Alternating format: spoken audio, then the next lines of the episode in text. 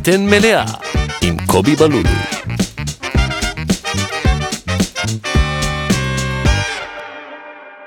שלום וברוכים הבאים לפודקאסט בטן מלאה, אני קובי בלולו, וזה פרק 50, זה אירוע מיוחד, ואני שמח לארח את אחי הגדול, את רפאל בלולו.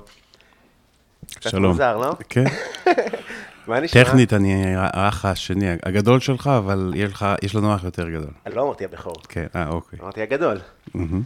מה נשמע? בסדר. יפה. זה לא... זה מוזר, כי אתה יודע, כאילו צריך להכין שאלות וזה, וזה כאילו להכין עליך שאלות זה דבר שהוא מוזר לי לעשות. כן. אה, בדרך כלל אני אומר לאורחים להציג את עצמם. אתה רוצה להציג את עצמך או שאני אעשה את זה? אתה תעשה את זה. אני אעשה את זה. אה, רפאל בלולו, אה, אבא לשמעון ושאול. אתה רוצה, אפשר לדבר על השמות. זה שמות כבדים לילדים בש- בשנות ה... כן, 2020. כן, אנחנו שומעים את זה הרבה.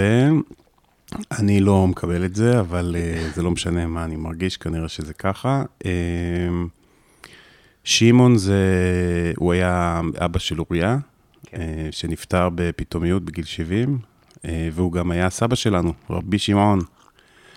אז אה, שמעון זה יותר אה, כאילו מוקדש לסבא, ש- לאבא שלה, אבל מבחינתי זה גם תופס את סבא.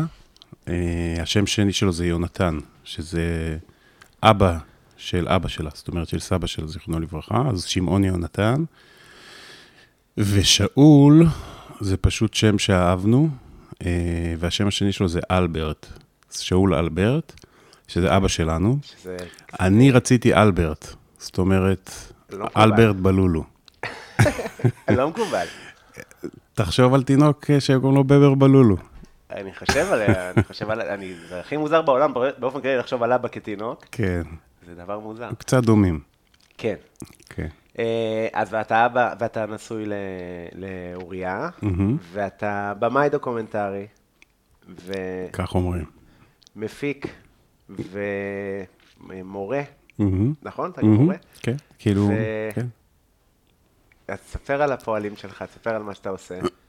טוב, אז uh, באמת אני מביים. Uh, למדתי קולנוע, כמו שאתה יודע, וכאילו הייתי במחשבה שאני הולך לעשות סרטים עלילתיים. עשיתי כמה סרטים עלילתיים גם בבית ספר, אבל אחר כך עשיתי סרטים עלילתיים שכאילו קיבלו מימון, שזה כאילו, מי שעושה סרטים יודע שזה לא טריוויאלי לקבל מימון לסרטים קצרים, עשיתי איזה שלושה או ארבעה כאלה, והם גם זכו בפסטיבלים וכולי.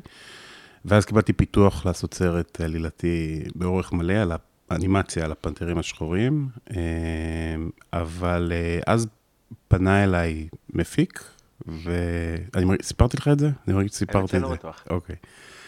פנה אליי מפיק, זה היה ב-2015, הוא שאל אותי, ב-2014, אם אני רוצה לעשות סרט אה, על מישהו שקוראים לו רבי דוד בוזגלו, שהוא משורר, אה, פייטן, אה, שכתב בעברית ובערבית ובערבית יהודית, אם, אם אפשר לקרוא לזה ככה, ובקיצר הסכמתי, וזה הכניס אותי לדרך של קולנוע דוקומנטרי, שהוא מאוד מאוד כיפי. כאילו, יש משהו בקולנוע תיעודי שהוא צלילה מאוד עמוקה אה, לעולם אה, של חקירה של מידע וידע, ואו מפגש מאוד אינטימי עם דמויות שנחשפות אליך באופנים שאפשר לפעמים להיחשף רק למישהו שהוא זר, מופיע על אה, מפתן דלתך, רוכש את אמונך, ואז אתה פשוט, כמעט כמו מערכת יחסים עם, עם מטפלת או עם מטפל או משהו כזה. אה, וגם צריך להגיד, אפשר להגיד שגם בזה, בעלילתי זה גם ככה, לא? אמ, מהניסיון, הכל תלוי איך אתה ניגש לעשייה שלך. כן, כאילו, יש משהו בעלילתי, בהנחה שאתה כותב את התסריטים שלך, שזה לא דבר, כאילו, לפעמים, הרבה פעמים הבמאים או הבמאיות לא כותבים, הם לא התסריטאים גם, אבל אם אתה תסריטאי, אז אפשר לומר שכן, שיש צלילה לסיפור, אבל אתה צולל, גם אם אתה נעזר בסיפור אמיתי ואתה חוקר אותו, אתה נפגש עם המידע, והרבה פעמים אתה לא נפגש עם האנשים שמחזיקים את המידע, או אם אתה נפגש איתם, איזה כלי כדי לשכתב סיפור שהרבה פעמים הוא פיקטיבי ביסודו, או אם הוא מבוסס על סיפור אמיתי, אתה עושה לו אדפטציות כדי לחזק את, את הדר... לעשות, אתה עושה לו דרמטיזציה. בדוקו זה, אתה, אתה פשוט, מת- חומרי הגלם שלך הם בני אדם.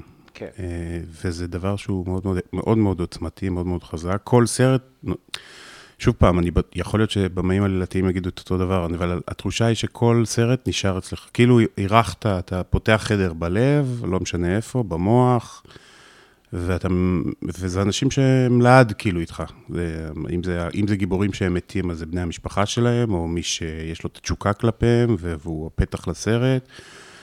אם זה אנשים חיים, אז uh, כמובן, אתה יודע. כמה סרטים עשית? אה,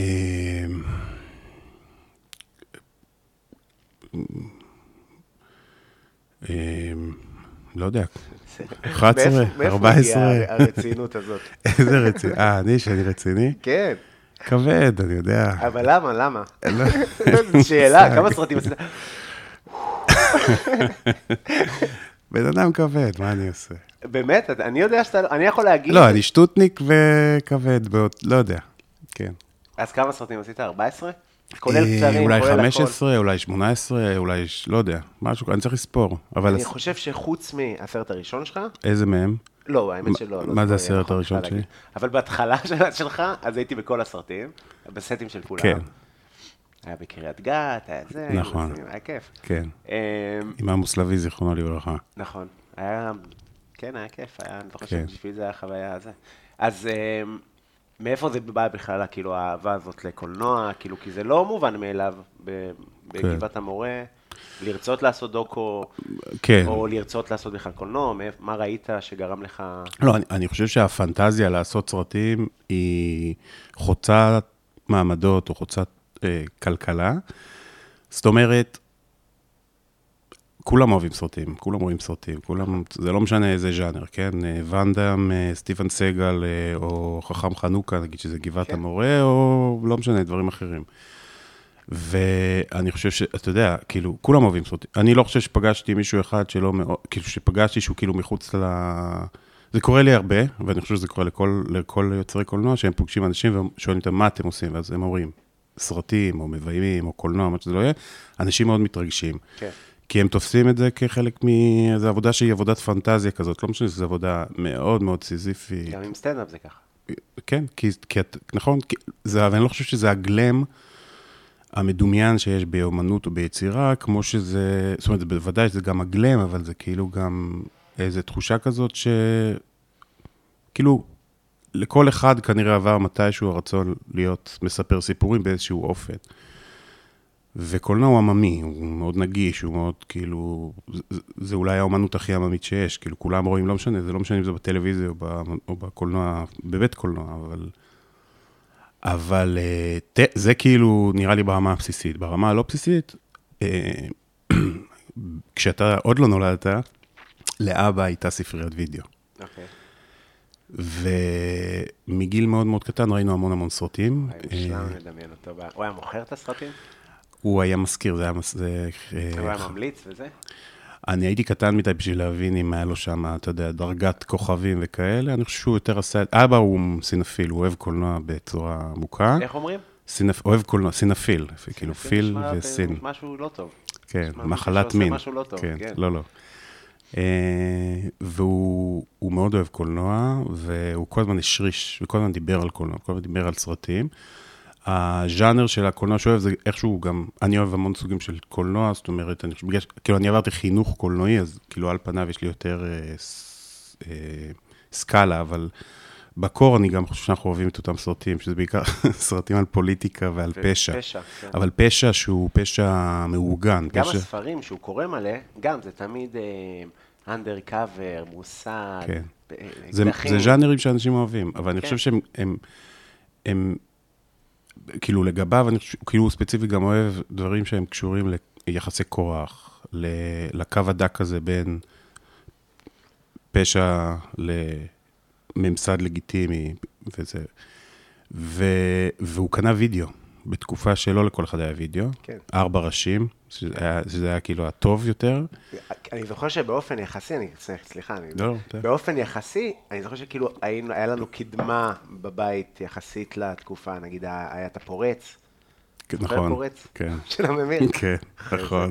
תחביאו, הם באים, הם באים, הם באים זה, היית מחביא בגלל התחתונים. נכון, הבן אדם עובד ומתקין, מה, יש לו צו חיפוש עכשיו? איזה מוזר זה. נכון. אבל זה כבר השלב באמת שהיה כבר אה, כבלים מקומיים. זאת אומרת, כן. כבלים, לא כבלים פיראטיים, כבלים מקומיים. אה, כן, כן. זה לא אני, מדבר אה, איתך על שנות ה-80, יש רק ערוץ אחד. מי שיש לו אנטנה קולט לבנון.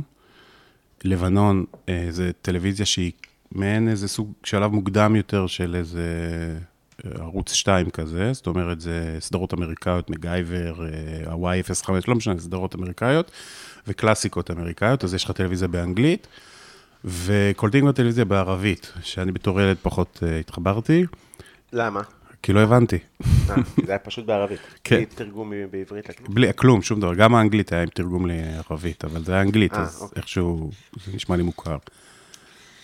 אה, על מה אתה עושה? אתה גזר? אנחנו תכף נדבר אה. על זה, רק תן את זה, אני אגיד מה אנחנו עושים. כן. בכל אופן, אז, אז אבא, כאילו, הוא, הוא הכניס קולנוע הביתה, ובגיל 14, אבא היה חבר מרכז ליכוד. אני לא יודע אם אתה יודע את זה. כן, בטח. בתקופה שהליכוד היה נבחר בשיטה שהחברי מרכז אה, מכריעים את הרשימה. היום זה השתנה קצת. היום אתה צריך אה, להתפקד. פעם זה היית צריך להתפקד, להיבחר למרכז, וחברי המרכז אה, היו בוחרים, וזה...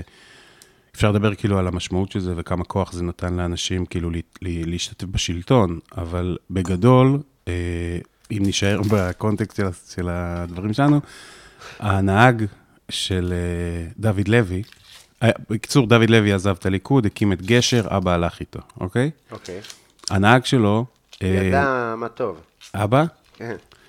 אה, זה אידיאולוגיה, אני חושב. אז הנהג שלו, אנחנו אולי איבדנו את הקצב של הסיפור, לדעתי. או שזה לא, זה, זה ככה פודקאסט. לא, דבר, אה, דבר. אוקיי, אני חושב במונחים של חדר עריכה.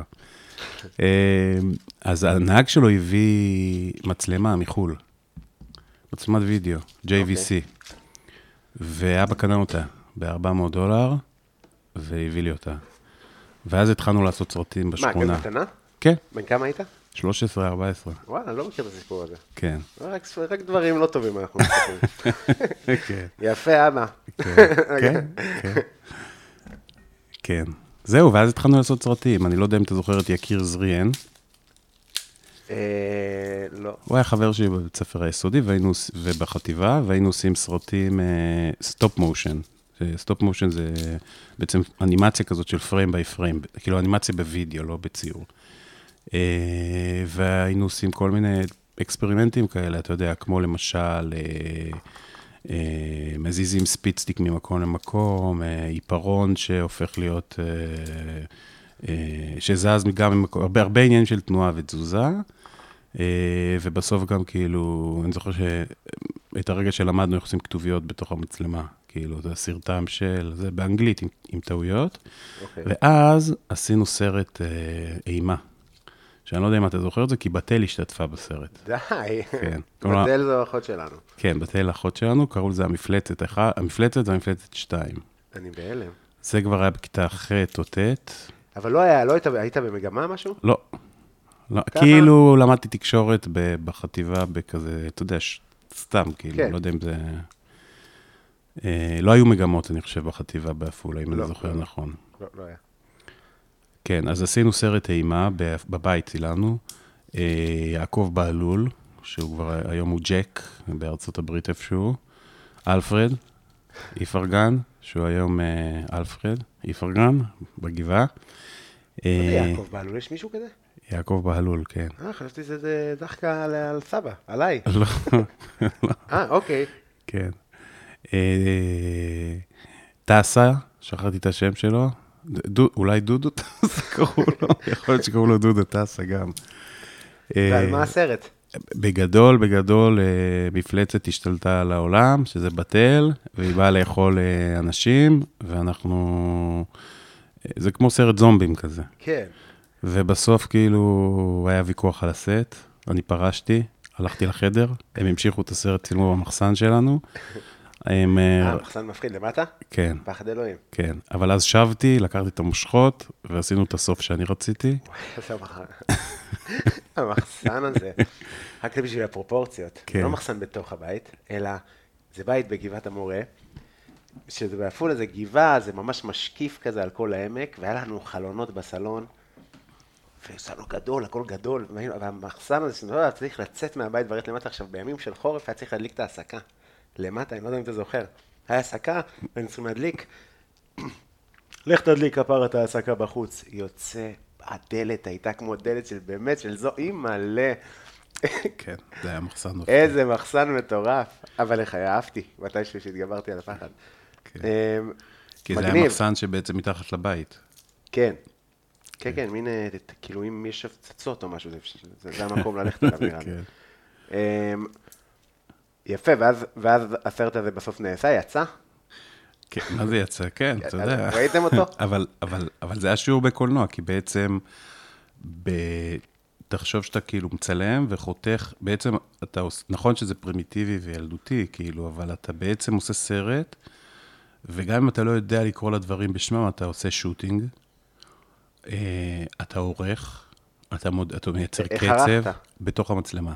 אשכרה. רגע, קאט... אה, בבטל שיחה טוב? מה זה טוב, אתה יודע. אני לא יודע אם כאילו- היא זוכרת בכלל.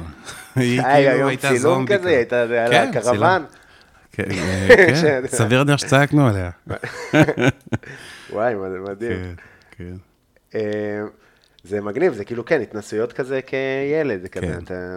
כן. לי נגיד, אה, הכי ניכר שהיה סטנדאפ, היה איזה טיול בכיתה אה, י', גיחה קראו לזה, שזה, כל טיול הוא גיחה, אבל זה ספציפית היה גיחה נקרא, והולכים לכנרת, ויושבים שם לילה, ו...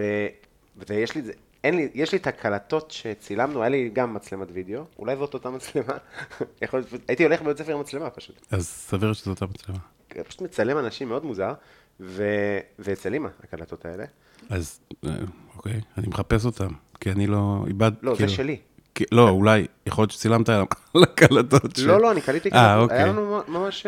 אה, אוקיי, ואני לא יודע, אף פעם לא ראיתי את זה. כן. פשוט צילמתי כל הזמן. ואז, בקיצור, עשיתי שם איזה שעתיים וחצי של סטנדאפ, למעשה, עם אה, לירן, על איזה... כזה ספסל של קק"ל, לכיתה, וזה... וזה... ואתה כאילו שוכח מחוויות כאלה, אבל זה כאילו לא רחוק ממה שאתה עושה בעצם כאיש מבוגר. כן. אוקיי. בלי התחרותיות והסטרס. בגבעה? לא יודע. לא? לא, זה בדיוק העניין, באת להם? זה, לא, ליכוד, התפקדויות, עניינים, זה, איך דיברת שהיית? לא, מה, בגיל 14? כן. לא, זה בדיוק העניין, אתה מבין? קודם כל זה חברים, זה לא... ב', אה, זה בדיוק העניין, כולם אוהבים קולנוע, זה בכלל לא משנה. עזוב שבגיל 14 לא הייתי, כאילו, אתה יודע, הייתי ילד, אבל כאילו, כולם אוהבים קולנוע. כל האנשים האלה שעשו איתי קולנוע, עשו יצירה קולנועית מבחינתם, נעורית וכולי, אבל כאילו, אתה מבין? אף אחד לא המשיך עם זה, כאילו, כי... לא יודע למה. אולי צריך איזה סוג של אה, אובססיביות שלי הייתה ולהם לא, או עניין מסוים יותר, לא יודע. אה, אבל אה, כן, זהו. אז זה כאילו... זוכר שהיינו בגבעה פעם אחת, לפני כמה שנה, ארבע שנים, אני זוכר. אתה זוכר, לא נגיד שמות, אבל היינו כזה בקיוסק וזה, אתה, ניגשו אליך חבר'ה וזה, ואמרת לו, אני במאי, אמר לך, אולי נעשה סרט, אני אביא בנות. אתה זוכר את זה? כן. ואתה עונה לו ברצינות, תראה, והעניין של, העניין של הפקה, זה היה מושלם, מושלם, מושלם. כן. יש לנו מקום, נביא את הבנות. איזה... אמ, אתה יודע, אבל ש... שזה לדעתי גם, כאילו, גם, אני לא יודע אם זה עניין של פריפריה, זאת אומרת, מעין שפה כזאת של פריפריה, של אה, בוא, בוא נעשה מכה, אבל אני חושב שכאילו זה באמת אולי יגיד לך כל אה, יוצר, כל, כל יוצר קולנוע יגיד לך את זה, אני חושב, את כמות הפעמים שאנשים באים לך, אליך ואומרים לך, אחי, יש לי רעיון לסרט חבל על הזמן. כן, כן, אני קורא לזה דוד פנחס, על שם דוד פנחס שלנו. למה? כי כל פעם שאני פוגש את פנחס, יש לו רעיון לסרט, אתה מבין? עכשיו, זה וואן ליינרים, זה רעיון לסרט אמיתי, בוואן ליינר, אבל הפער בין יש לי רעיון לסרט ללעשות סרט, זה כאילו, אתה יודע, כן. אז אה, כן, אמ, טוב, כאילו מרגיש לי... שמה? לא, שיש יש לי אל, אלף אה, דברים לשאול אותך וזה, ונכנסנו לפרק אה, מוזר, ועכשיו כן. קצת יותר סבבה. טוב, נגיד רק מה אנחנו מכינים. כן, אתה בהתחלה ביקשת מוח, כן, שזה משהו שקשה למצוא בתל אביב, אתה יודע? זה קטע. כן. כאילו, התקשרתי לכל מיני כאלה מקומות, מוח? לא, תנסה בתקווה. לך אליהם, שם, איפה שמוכרים את זה, כאילו, לא כזה, זה, ואיפה שמצאתי, סופר יקר, אה, ובסוף אה, לא, ידנו לא משגת, כן. אז אמרנו קציצות דגים. כן. אה, לא משגת לא בגלל הפן הכלכלי, כן? כי לא, לא, כן, כן, חשוב להגיד שאתה. אוכל ברצף, אתה אוכל את האוכל שלי. כן, היינו באירוע נכון. ביום אה, חמישי וזה. היה מוצלח מאוד. יופי, תגיד לי, תגיד לי מה, איזה, איזה דברים הכי אהבת. אז אה, אה, כן. תראה, אנחנו, אה, אוקיי. אנחנו מכינים עכשיו אה, אה, קציצות דגים, מתכון של אוסי, אה, שהיא אשתו של אה, אבא שלנו. ונעשה אותו קצת שונה, כי היא אמרה, נגיד, להשתמש בדג מרלוזה, ואני אה, פחות בעניין, אני כאילו, ויש לה את הקציצות דגים הכי טעימות בעולם, באמת, הכי טעימות, המבל ברמות יעני וזה, אבל אני אומר, אני אנסה לעשות את זה קצת אחרת. עם איזה דג? אה, אז הבאתי בורי, אה, שכאילו, סתם, גם מרלוזה זה שם וזה, זה כשהוא מצחיק אותי. מרלוזה, מהגבעה. ממש, מה זה מרלוזה? כן. כן, כן. אה, אז הבאתי בורי. טיקי מרלוזה. כן.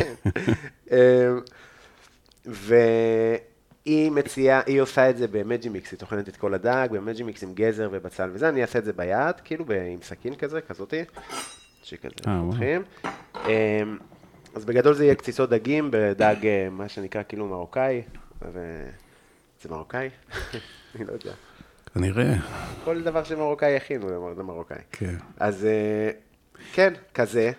למה בחרת קציצות דגים? אז נתחיל מהמוח. נו. מוח זה אחד הדברים שהכי, כאילו, זה זה היה קלישה, נכון? אנשים בוחרים בדרך כלל מה שהם אהבו בילדות, זה כן. תמיד ככה?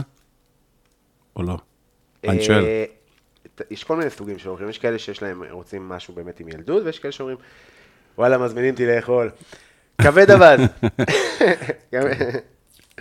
אה, אבל בגדול, כן, הרעיון הוא כאילו עם איזה אוכל שאתה קשור אליו. אוקיי, אז הסנטימנטלים הולכים מה- עם האוכל הביתי, נכון? אז עכשיו, לרוב, כן. אני מניח שהרבה אנשים גדלו עם אה, פתיתים ושניצל, אנחנו גדלנו, אני גדלתי, עוד פעם, אני חושב שגם ההבדל בגיל, אנחנו תשע שנים הבדל. כן. ואני חושב שהייתה השתנות במשפחה, כאילו, ההורים שלנו התגרשו וזה, אז כאילו, כן. הבית השתנה, אבל אבל לא לגבי מוח. זהו. אז מוח, זה היה אחד הדברים שהכי אהבתי בתור ילד, אבל ילד ממש, כאילו, בן חמש, מוח חריף, עם שום, פלפלים, את ה... זה, ואימא ממש הייתה מכינה מוח רק בשבילי, במיוחד כל חג. עכשיו, מוח זה כאילו דבר יקר, אז זה, כאילו... גם אז זה היה יקר, אני מכיר כן, כן, שלא. מוח זה דבר יקר. אז אני מכיר את הסיפור של מוח היה כזה, הם, נותנים אותו וכאלה. אני חושב שזה 10-20 שנה לפני. אוקיי, ויש את הסיפור הידוע על סבא. אתה מכיר את הסיפור על סבא יעקב? לא. שאתה קרוי על שמו? כן, בבקשה. אוקיי, אז קודם כל אני אגיד, האוכל, ה... כאילו המרוקאי שהגיע למיינסטרים, הוא לא האוכל ההארדקור, כן? שזה כל מיני אה, ריאות. ריאות, אה, אה, איברים פנימיים וכאלה. זה אוכל שלא הגיע למ- למיינסטרים, כי הוא באמת אוכל לא פשוט. גם, ובצדק. כן, לא, הוא גם לא פשוט להכנה. התהליכים שלו, אכלת קיבה פעם? כן, אתה רוצה לבכות, לבכות, בכי, בכי. טעים. אבל זה נורא, אתה צריך לשטוף את זה. אה, הכנת? לא, הכנתי לו, אכלתי. תקשיב, זה כמו? שתפתח את הביוב. במרכז הבית. כן, כן. זה פשוט נורא, אתה מה, כן. אלוהים, אני גם, ואז מה, כשזה יהיה על הצלחת אז אני אשכח מכל מה שעברתי? מה זה השטויות האלה? נכון. אז אני אספר לך סיפור על סבא יעקב, כן. אוקיי? סבא יעקב, הוא אה, נולד ב... המשפחה במקור מקזבלנקה, אבל הוא, הוא נולד ברבת, הוא גדל ברבת, אה, והוא אה, אה, עלה לישראל, אה, או היגר לישראל ב-1947. נלחם במלחמת 48, אה, היה, אה, זה נקרא מחל, אבל זה לא, הוא הגיע כמחל. מחל זה לא אה, מחל כמו שאנחנו מכירים מהליכוד, מחל זה ראשי תיבות של מתנדבי חוץ לארץ. זה בעצם יהודים שהתנדבו, גם ציונים, היום זה הראשי תיבות? של מחל של הליכוד? כן. אני לא חושב. אני לא יודע, אבל אני לא חושב. אוקיי. מחל אבל זה- למה הוא בא? ציוני, אבל איך הוא שמע על זה? מה זאת אומרת, איך שמע את זה? איך הוא ידע מי ארגן את זה? מה... מח"ל הייתה, זה היה אה, ארגון אוקיי. שהביא מתנדבים מחוץ לארץ אה, כדי להילחם או לעזור ליישוב היהודי במדינת ישראל, ש... זאת אומרת, ביישוב היהודי ולאחר מכן, ב... זאת אומרת, במדינת ישראל. אה, to make a long story short, הוא הגיע uh, כמח"ל, זאת אומרת שהוא לא אזרח עדיין, הוא, הוא לא... הוא, אגב, מתנדבים זה תמיד uh, כוח קריטי במלחמות, כן? גם לפן, זאת אומרת, גם לכוחות הערבים היו, זאת אומרת, לפלסטינים גם היו מתנדבים. וואלה. מ, אפילו ממרוקו, מוסלמים שבאו להילחם. וואלה. פה, כן? האמת שגם הנה, גם באוקראינה עכשיו יש מלא מתנדבים. כאילו, זה- בדיוק, זה לא משתנה. בדיוק, נכון. אז הוא הגורל, הוא היה ציוני בשונה מהמשפח, משאר המשפחה. שמה הם היו? פשוט לא ציונים. כאילו לא, לא, מה זה לא ציונים? כאילו לא בתפיסה של אנטי-ציונים או פרו-ציונים. פשוט, פשוט זה לא לא עניין. לבוא אותי. להילחם עכשיו. הם היו בורגנים. כן. והוא ב-47 הגיע לפה, לפה, למדינת, למי שתכף תהפוך להיות מדינת ישראל, ונלחם אה, במלחמת 48, ונתפס על ידי הירדנים, ממש היה שבוי, ויצא אה, בחילופי שבויים, וחי פה בישראל. עד 1951. סבא סבא יעקב, היה שבוי בזה? כן, וואו. כן, כן. עכשיו, ב-51 הוא חזר למרוקו. למה? הייתה הגירה שלילית ממדינת ישראל, היה פה מצב כלכלי מאוד מאוד קשה, אנשים פשוט חזרו, עזבו לכל מיני מקומות. חלקם, זאת אומרת, סבא יעקב חזר למרוקו. שם הוא הכיר את סבתא שלנו, את ז'קלין, ושגם, אפשר להגיד שבמידה מסוימת הוא הדביק אותה בחיידק הציונות, אם, אם נדבר במושגים כאלה, זאת אומרת, הוא השפיע מאוד על תפיסת העולם הפוליטית שלה, והם באו uh, לישראל ב-56, אוקיי? אבא נולד, uh, שנתיים אחר כך הם באו לישראל, אוקיי? אוקיי. Uh, והוא הגיע לעפולה, לגבעת המורה. בהתחלה הוא רצה להיות בבאקה, כל החברים שלו הגיעו לבאקה, אבל סבתא פחדה... מה זה באקה? באקה זה היום אה, שכונה שנחשבת כזה סוג של מרכז ירושלים, זה גובל אה, אוקיי, במושבה גר בית לחם, מושבה, כאילו, דרך בית לחם. מושבה גרמנית, כל האזור הזה, אוקיי? אז כל הח... זה היה אזור של מרוקאים. ו... אבל, אבל זה, היה, זה היה הגבול. הגבול היה איפה שהיום דרך חברון, אם אתה מכיר. לא משנה. אז סבתא פחדה לעבור לשם. אז הם הלכו לגבעת המורה, לעפולה, וזה היה, עפולה הוקמה על ידי פולנים וגרמנים, אוקיי? בשנות ה-20, הרעיון היה שעפולה תהיה תל אביב של, של העמק, העמק שהוא מאוד חשוב באתוס הציוני, עמק יזרעאל, כן? כל החרטוטים, והעיר נכשלה. אמרו שיש שם אופרה, אה, אה, תיאטרון, וזה יהיה, אתה יודע, עיר גרמנית כזאת ב- ב- בלבנט, והעיר נכשלה, ובעצם היא, היא בקושי התפתחה עד שנות ה-50, כשהגיעו העליות ממרוקו, חלק מעיראק ב-51, והעיר, אה, בעיקר, בעיקר צפון אפריקאים, והעיר גדלה בבום. והתפתחה, היה עוד גל אחר כך יותר מאוחר של רוסים בשנות ה-90, אבל בגדול כאילו זה היה הבום של העיר. ולמה אני מספר את כל זה? גם כי יש לי נטייה לספר יותר מדי פרטים ממה שצריך, וגם כל הקצבים וכל בעצם בעלי העסקים והחנויות היו אשכנזים. אוקיי. וסבא, אה, והם, אה, והיה נהוג אז, אה, לפחות, לפחות לפי איך שאני מכיר את הסיפור הזה, לזרוק את כל חלקי הפנים. זה לא היה משהו שמשתמשים בו.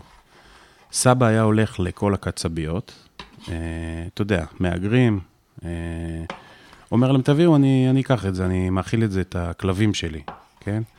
אה, והם פשוט היו נותנים לו את זה, כי זה במקום לזרוק, הם אמרו, טוב, מי זה האיש המוזר הזה כנראה, בואו ניתן לו את הדבר הזה. הוא היה מגיע הביתה, ושם הם היו שוטפים את זה, מרתיחים את זה, אה, ומכינים אה, מאכלים שעוד פעם, לא חצו לתוך המיינסטרים, אבל זה מעיים ממולאים, כבדים, סטייק כבד אה, עם קורקבנים, אה, טעים.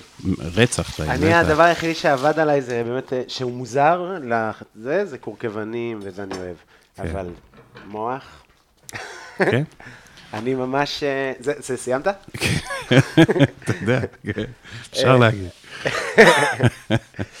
אני ממש זוכר את זה בארוחות חג, ואבא עד היום, תטעם, תטעם, כן, תטעם. אבא באמת, גם אימא כמובן, כן. אבל כאילו, באמת, אה, נורא, ועד היום הוא אוכל את הדברים האלה. בטח. אה, אה, אפשר להגיד שה...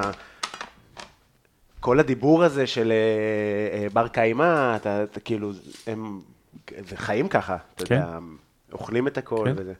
נכון. טוב, אז אנחנו בעצם הולכים ל- ל- לחתוך, לחתוך את הדג, הרוטב יהיה כאילו די בסיסי, בוא נזרחוף גם חציל. מהמם. אה, אז ברוטב מה שהולך להיכנס זה ככה, הרבה שומים, כמו שאתה רואה, יהיה גם שום בתוך המסה כזה של אני הדגים. מריח גם. כן. אמ, עגבניות, זה בתוך ה- ה- מאוד הרוטב. יפה. מה מאוד יפה? הצבעוניות הזאת, כן. כן, זה צבעים יפים. אה, צ'ילי הבאתי שלוש, נראה לי שזה אמור להספיק לחריפות של הדג, פלפל כאילו. חריף ירוק. כן, פלפל חריף ירוק, אה, כוסברה ופטרוזיליה, שאמורות ברובם להיכנס לתוך הקציצה של הדג. זה מצחיק, כי אני הכנתי קציצות דג בעצם גם באירוע עכשיו. טעמת? מהמם. אהבת? מאוד. אז שם זה היה כזה פריקי. כן. אה, זה גם היה יותר קבב כזה. זה היה. קבב, בדיוק, זה היה כן. קבב, יותר נגיד שילך עם יוגורט, או כזה, כזה בעולם הזה. וזה קצת שונה ב... במזרחיות שלו. מגרביות, לא מזרחיות. מגרביות, מה ההבדל? בוא... אה, מגרביות כאילו מ- מ- מ- מרוקו, בצפון אפריקה. כן. אה, מה, כן, אל-מגרב זה השם של מרוקו בממלכה המערבית, וגם בטקסטים העבריים, היהודיים שאתה רואה, לאורך השנים, אז למרוקאים ולאלג'יראים קוראים המערביים. באמת. לא, אני מאמין לך, אני סתם, אני מוסיף קפה, אז אני... אה. כן, אז זה כאילו סתם, אבל זה סתם אנקדוטה, כי ברור שאתה מתכוון למזרחים בהקשר הישראלי, כן, וזה כן. ברור. כן, אז באמת הרבה מה... כאילו, אני, אני, אני חושב שזה כאילו כמעט אה, קלישאה לדבר איתך על זה, כן. אבל, אבל לשם זה הולך. אתה כאילו, באמת רוב היצירה שלך מתעסקת ב... נקרא לזה, אני לא רוצה להגיד מזרחיות, אבל יש שם איזה עניין, ובעוול כן. הרבה פעמים. זה, עכשיו היינו בסרט שלך אה, שביימת והפ- והפקת. כן, אה, לא, רק ביימתי? וכתבתי, המפיק... אה, שהיה. מדהים, באמת, מדהים, מדהים, באופן אובייקטיבי לחלוטין. זה משהו שאנחנו תמיד צריכים להגיד, כי נגיד, סתם, אז אוריה שלחה לי ואמרה שרפי אמר אובייקטיבית, שהיה ממש טעים בארוחה, לא בגלל שהוא אח שלי. אז באמת, זה היה סרט מדהים, כאילו, אנשים שם עמדו ומחאו כפיים בסוף, באמת, שתי דקות זה היה מדהים, יש סרטון, ממש, שתי דקות, שחמרתי כזה, אה, יש כפיים, מהר, אני צריך להספיק וכזה, אה, וואו, זה לא נגמר הכפיים. אוקיי, אין לי מקום בפלאפון עם הכפיים, לא הפסיקו עם הכפיים, זה היה מדהים. וזה היה סרט מרגש על, אה, על אה, אה, משפחה של פליטים, מה זה היה הרעש הזה? מפחיד זה היה. משפחה של פליטים פלסטינאים, אה, שנקרא אה, המרגלים, משפחת המרגלים. משפחת המרגלים, אני לא יודע אם אני יכול לדבר על זה, כי הוא צריך לעלות ב-yes, אה. כאילו, ב-yes בקרוב, וזה צריך להיות כאילו יח"צ מסודר, אז אני לא יודע אם אני יכול לדבר אה, על מעולה, הסרט. אבל רק נגיד שתלכו לראות. באמת סרט כן. מהמם. אבל כן סרטים קודמים שעשית ואין להם כן. ענייני יח"צ, אז כן. נגיד אה, אה, על ז'קלין כהנוב או על אה, דוד בוזגלו, כמו שאמרת, אז בסוף אני לא מרגיש שזה זה כאילו מתעסק בפאר היצירה המזרחית, ודוד בוזגלו וזה, אז מאיפה זה מגיע, הדבר הזה? אה. אה? אתה גורר כן. אמ, כי זה העולם שמעניין אותי. זאת אומרת, אה, אתה יודע, כאילו, אני תוהה אם שואלים אה, אנשים שעושים סרטים על אה, אה, המשפחה שלהם בקיבוץ, או על סתם, אה, על השואה, אם הם עושים סרטים על אשכנזים, או על אשכנזיות. אני מנ- מנחש, של, או על הצבא, או על אה, יוני נתניהו, או על... אה, לא יודע, כאלה, כן? כן. אני מנחש שלא לא אומרים להם שהם עושים סרטים על אשכנזיות, אבל אני, אז אני חושב שכאילו... אז, סבבה. לא, אין בעיה. אז זה לא שאני מכחיש את זה שזה סרטים שהתמות שלהם הן תמות מזרחיות, במובן, ה, או של יהודי העולם המוסלמי, או יהודים ערבים, או איך שתרצה לקרוא לזה, אבל באות, באותו מובן זה גם כאילו סרט על אנשים מהאזור פה. כאילו, כן. או סרט על ישראלים, או, או, כן? כאילו, הבעיה שישראלים זה מושג שהוא טעון, מבחינתי. ולהגיד את זה, כאילו, אתה יודע, היום שבו יקראו לאריק איינשטיין זמר אשכנזי, לא במובן ה... של כאילו עכשיו מוזיקה חרדית, אה, כן, או ביידיש, אלא בהקשר של כאילו ההיברידיות שהוא מביא, שזה כאילו רוק אנד רול של התקופה, אבל עם אה, שירים רוסיים. אה, כן, אה, קומפוזיציה כזאת קצת של אה, שיר, שירי הרוסים, ומבטא אפילו, יש להם מבטא לחלק מהזמרים של שנות ה-60 וה-70 וה-80. מבטא כאילו מזרח אירופאי. אבל אנחנו יודעים שהם כאילו צלם הישראליות, אז כאילו, אז כל דבר שמת, שהוא מול זה, מתויג קטגורית, כאילו, כן. אם זה מזרחי או וכולי וכולי. עכשיו, אין לי בעיה, פעם, כן, זה כן מזרחי, אבל, אבל זה מזרחי בדיוק כמו שאחרים עושים סרטים אשכנזים או סרטים, אני לא יודע מה. אה, למה? כי זה נושא שהוא חשוב בעיניי, מעניין אותי. אה, אני רואה בזה כמשהו שהוא ביוגרפיה אישית שלי, למרות שכאילו האנשים האלה הם לא, מה, הם לא משפחה שלי או משהו כזה. אה, זהו, כאילו, זה חשוב, זה פשוט מסקרן אותי, אני כאילו כל הזמן רוצה לדעת מה היה פה, איך יהודים חיו פה, איך הייתה מערכת יחסים עם ערבים, איך... וגם זה, אני... זה באמת נורא מעניין, אני יכול להגיד כן. שאני למדתי מזה המון, אני אגיד שזה, תראה, אנחנו חיים במרחב הזה וזה, אז זה כאילו אה, מזרחים, אבל בסוף, מה שאני מרגיש שכאילו מייצג אותך, כי אני, שאני יודע, זה כאילו חוסר צדק, אתה כאילו, זה יותר מה שמרגיש לי, כאילו, כן. העניין שזה, כן. ו, ו, ואז אתה כאילו חי בסביבה הזו, אז זה ה... כן, אין, תראה, קודם כל כשאתה עושה סרט על, על דמות שמחזיקה את הזמנים, נגיד עכשיו אני עושה סרט על הבבא סאלי, אוקיי? אנחנו בעריכות. זאת אומרת, אני כבר אחרי צילומים עקרוניים, ואני עכשיו רואה המון חומרי ארכיון, ואנחנו מנסים להתמודד עם המבנה פומפיות. המשרד, כן, זה קשה. אין איזה משהו שהוא יותר אוטומטי? מג'יניקס. כן. לא, אז, אז אני אומר, כאילו, אתה יודע, המפגש של... כש- כשאתה עושה סרט על מישהו שהוא, שהוא חי גם לפני ישראל וגם בתוך ישראל, אתה רואה, יש לך פרספקטיבה. יש פרספקטיבה על איך חיו יהודים במרחב המוסלמי. ואז אתה רואה מורכבויות מטורפות, אינסופיות. בין היתר גם את זה שהם היו בהרבה פעמים מערביים לחלוטין, או גם מערביים. אתה רואה אה, מעין היברידיות מאוד מאוד עשירה של אה, זהויות, כן? שגם מאפיינה אנשים שחיו באימפריות, כן? שהיו בהם הרבה בקהילות, וגם של קבוצות מיעוט, נכון? שמחזיקות גם את הזהות המ... המיינסטרימית, וגם אתה איתי או איבדת אותי, אני מדבר. אה, לא, הכל טוב. אני דומע מבצל. כן, לא יודע, אולי זה משעמם, אני לא יודע. לא, אה. אה, לא, לא, זה לא משעמם. תשובות אני- קצרות. לא, אה, יש לי אני- חבר אה, שיש לו תוכנית רדיו, והוא אמר, כל פעם שהוא מעלה אותי, הוא אומר, אני לא אעלה אותך יותר, אתה לא יודע לדבר קצר. תראה, אתה, אני יכול להגיד לך שאני,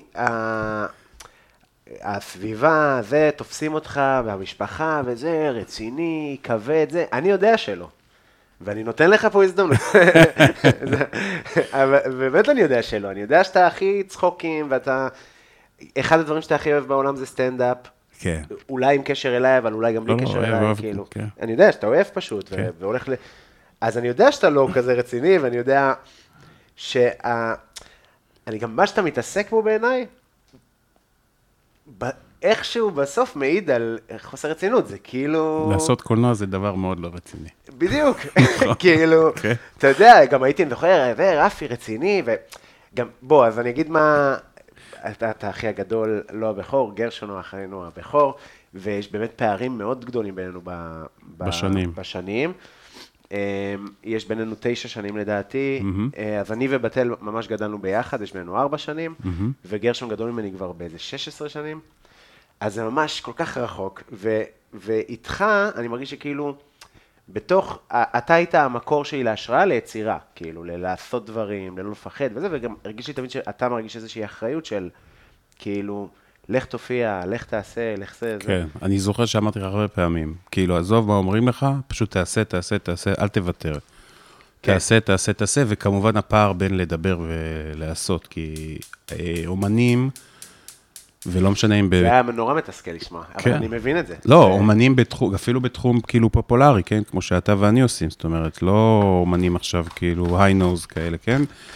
אה, יש להם נטייה לפעמים אה, לזיין את המוח, כאילו, אנחנו עושים פה, אנחנו עובדים, אה, פשוט פחות לדבר ויותר לעשות. עכשיו, למישהו כמוך וכמוני, זאת אומרת שמגיעים מחוץ לעולם, ש... זאת אומרת, בוא, בוא, כמה אנשים אתה מכיר שגדלת איתם, שהלכו ונהיו יוצרים, כן? זה לא, זה כאילו, אנומ... זה כאילו עיוות כן. על, על פניו, כן? זה לא קשור, כאילו, מי הולך ונהיה סטנדאפיסט או, או קולנוען?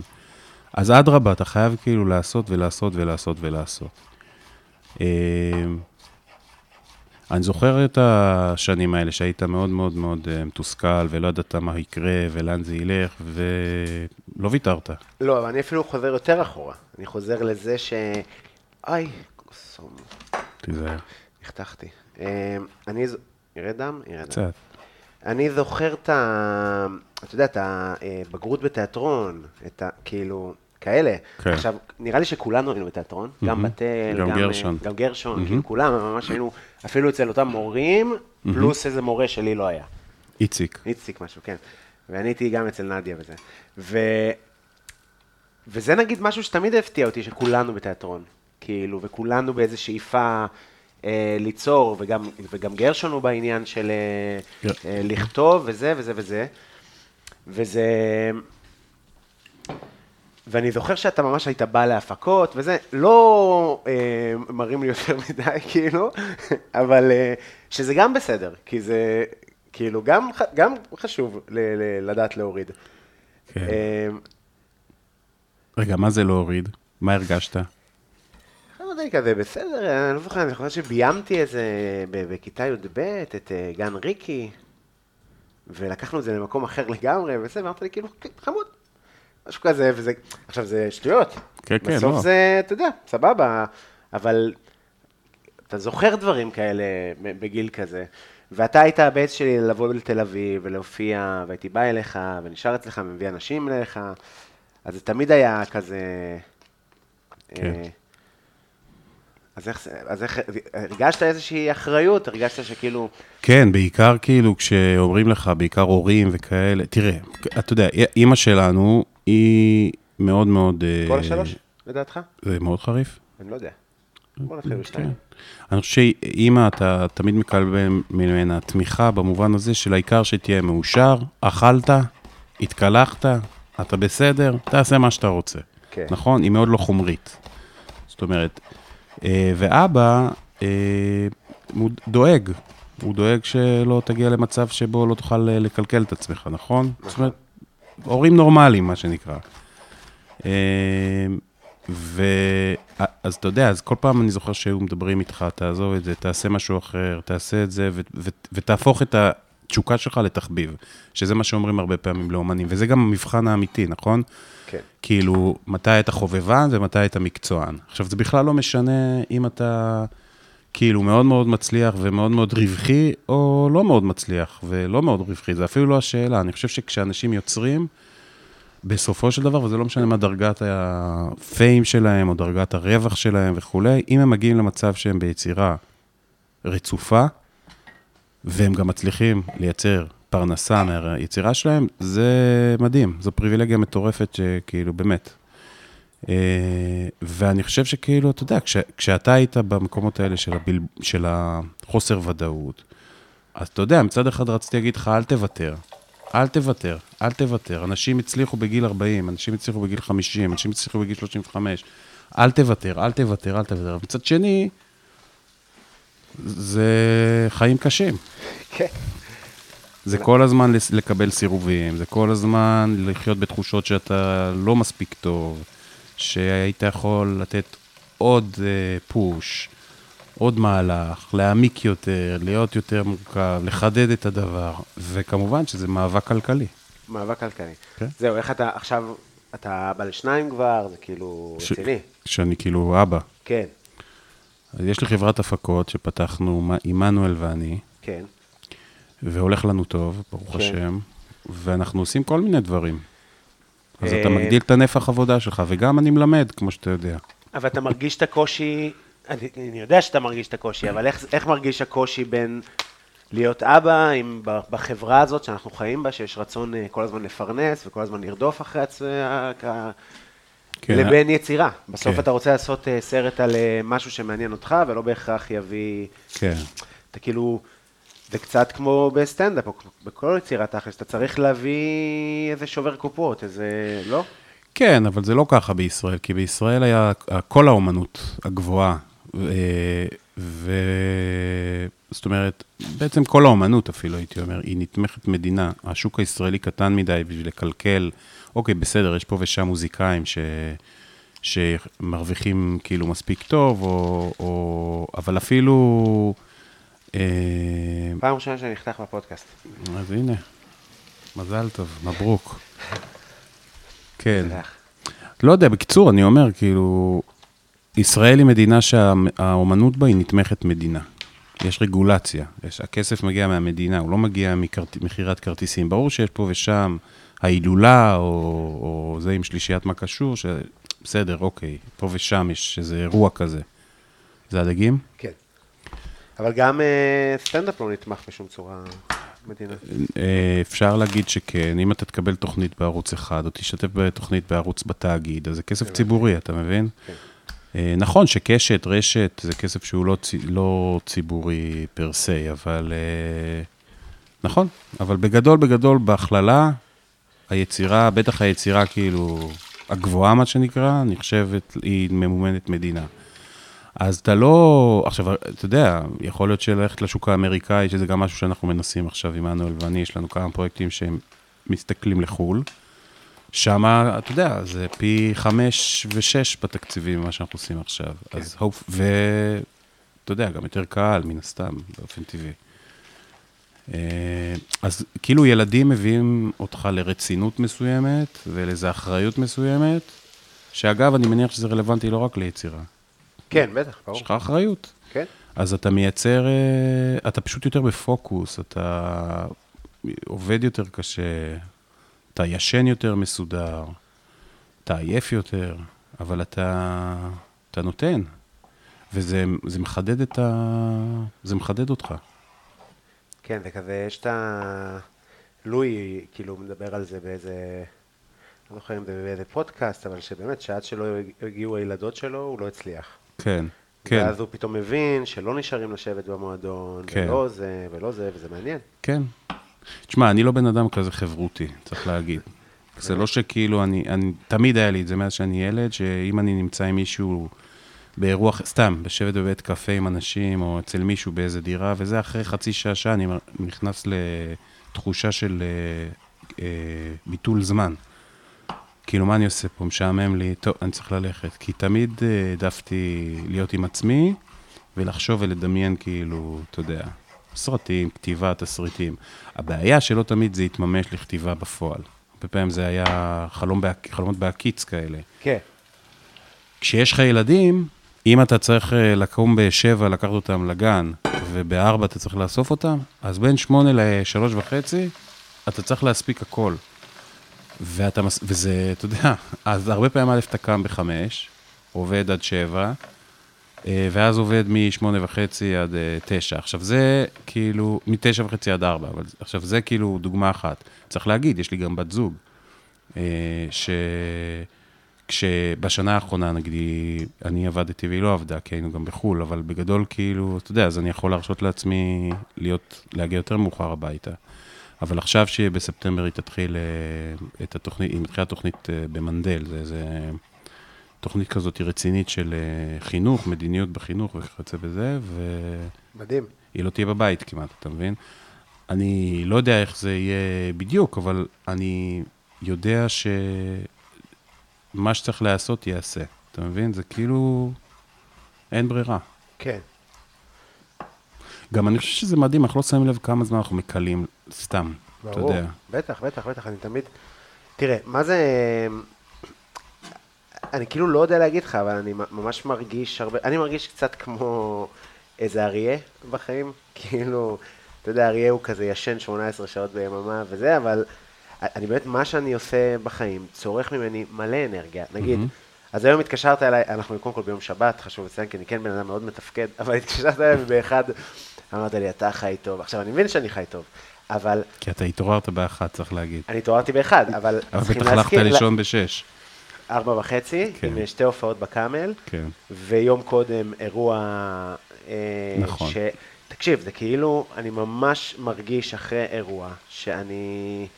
והצוות וזה, אבל שאני... אין, אין אנרגיה, זה מטורף. כאילו. באמת גם ההתאוששות, מרגיש כמו איזה כדורגלן מבוגר. ההתאוששות שלי נפגמה, אתה מבין? מהמם. אה, אבל אני מבין אותך לגמרי, מה זה, אני... אה, אה, כל כך הרבה דברים אני עושה סתם, כל כך הרבה פעמים אני הולך לשבת לכתוב, וגולל באינסטגרם וזה.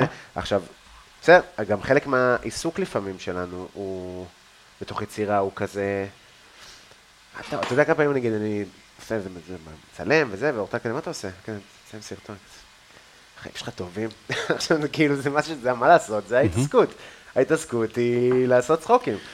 כאילו, אבל אני חושב שכי יצירתיות נתפס, כאילו אומנות או יצירה, נתפסת בידי אנשים כמשהו שהוא כיף. הם לא, אנשים לא מבינים שזו עבודה, אה, עוד פעם, סיזיפית, זו עבודה שהיא יומיומית, היא פרט אחרי פרט אחרי פרט אחרי פרט אחרי פרט, ובום, עברו שלוש שנים, יש סרט.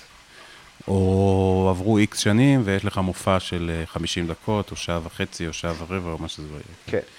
ובדרך היו ניסו, היה ניסוי וטעייה, והיו אין ספור כישלונות, והיו, כאילו, אתה יודע, והיה, והיו גם הצלחות, ו... ו... אתה יודע, כי מה, מתי אנשים מצלמים? מי שעורך דין, עורכת דין, או רואה חשבון, או הייטקיסט, הם... לצלם את- עצמם בסלפי זה פנאי, נכון? זה כאילו... כן. אז בסדר, אבל נכון, כאילו אין לי... גם אין פה מה... לא, אני מבין אותה, אני כן. מבין איך זה נתפס, אתה יודע, אני ממש קרוע בין, אה, נגיד, זה משהו שאני ממש אה, קשור לאבא בעיניי. עכשיו, אבא, אתה אומר שהוא אה, אוהב סרטים וזה וזה היום אני גם מבין כמה הסטנדאפ קשור אליו, הוא עושה, הבן אדם מצחיק. ב... כן. כעבודה, כאילו, לא נכון. כעבודה, אבל אתה כאילו רואה איך הוא מעוניין שיצחקו. נכון. כאילו, זה פאנץ' בהגדרה. נכון. שפעם לא תפסתי את זה כפאנץ' בהגדרה, פעם זה היה כזה, הוא יכול, זה יכול להיות חסר רגישות, זה יכול להיות... מצחיק, מה לא, לעשות, אבא המצחיק מספר לפעמים בדיחות כל הזמן. יותר חשוב נכון. מאיך הוא ייקח את זה. ואני, גם, גם אני, היום ככה. אבל מצד שני, הוא גם נורא... הקטע עם אבא זה שהוא היה, כאילו, עד איזה גיל, נגיד, אה, 12 או 13, 15, אפילו מאוחר, שלך. שלי. זה כזה לא... בדיסטנס קצת, כמו איזה מ"פ, אבל תמיד שבישיבות כאלה של... אה, עם אנשים וכזה, הוא היה כאילו המסמר. כן, נקראים מצחוק וזה, נכון. הוא- ורק באיזה גיל, אה, אני יודע, כן. יותר מבוגר, ש- 19, הוא התחיל לדבר איתי ברצינות. עכשיו, זה נראה לי משהו שקורה להרבה אבות, מהמם. שכאילו אתה, הוא ילד מדי. גם החינוך הזה שהאב האב הוא המוסר. האב הוא ה... הוא צריך להטמיע מוסר, וזה גם עניין דורי, אני מניח.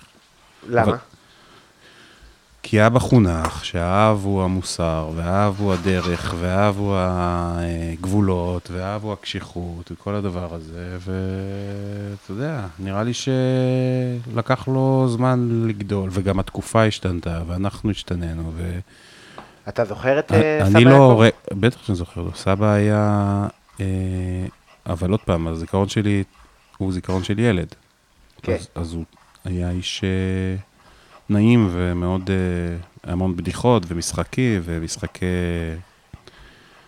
אתה יודע, המון משחקים. המון, המון דחקות גם של על ילדים. היה עובד עלינו כל הזמן.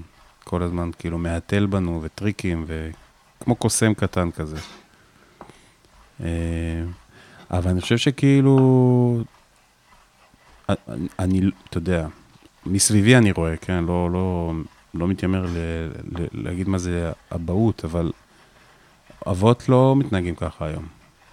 השיח הוא שיח רגשי מאוד, שיח אוהב, כאילו, זה לא שלהיות קשור זה לא לאהוב, אבל זה כאילו שיח מאוד רך היום, ההור- ההורים הם מאוד רכים עם הילדים שלהם. כן. Uh, הילד הוא במרכז, נותנים לו מקום, הוא לא צריך uh, כל כך uh, להיות בקודים כאלה של, uh, אתה יודע, יש מבוגרים, צריך לכבד מבוגרים, אסור לעשות את זה, אין הרבה איסורים, כאילו.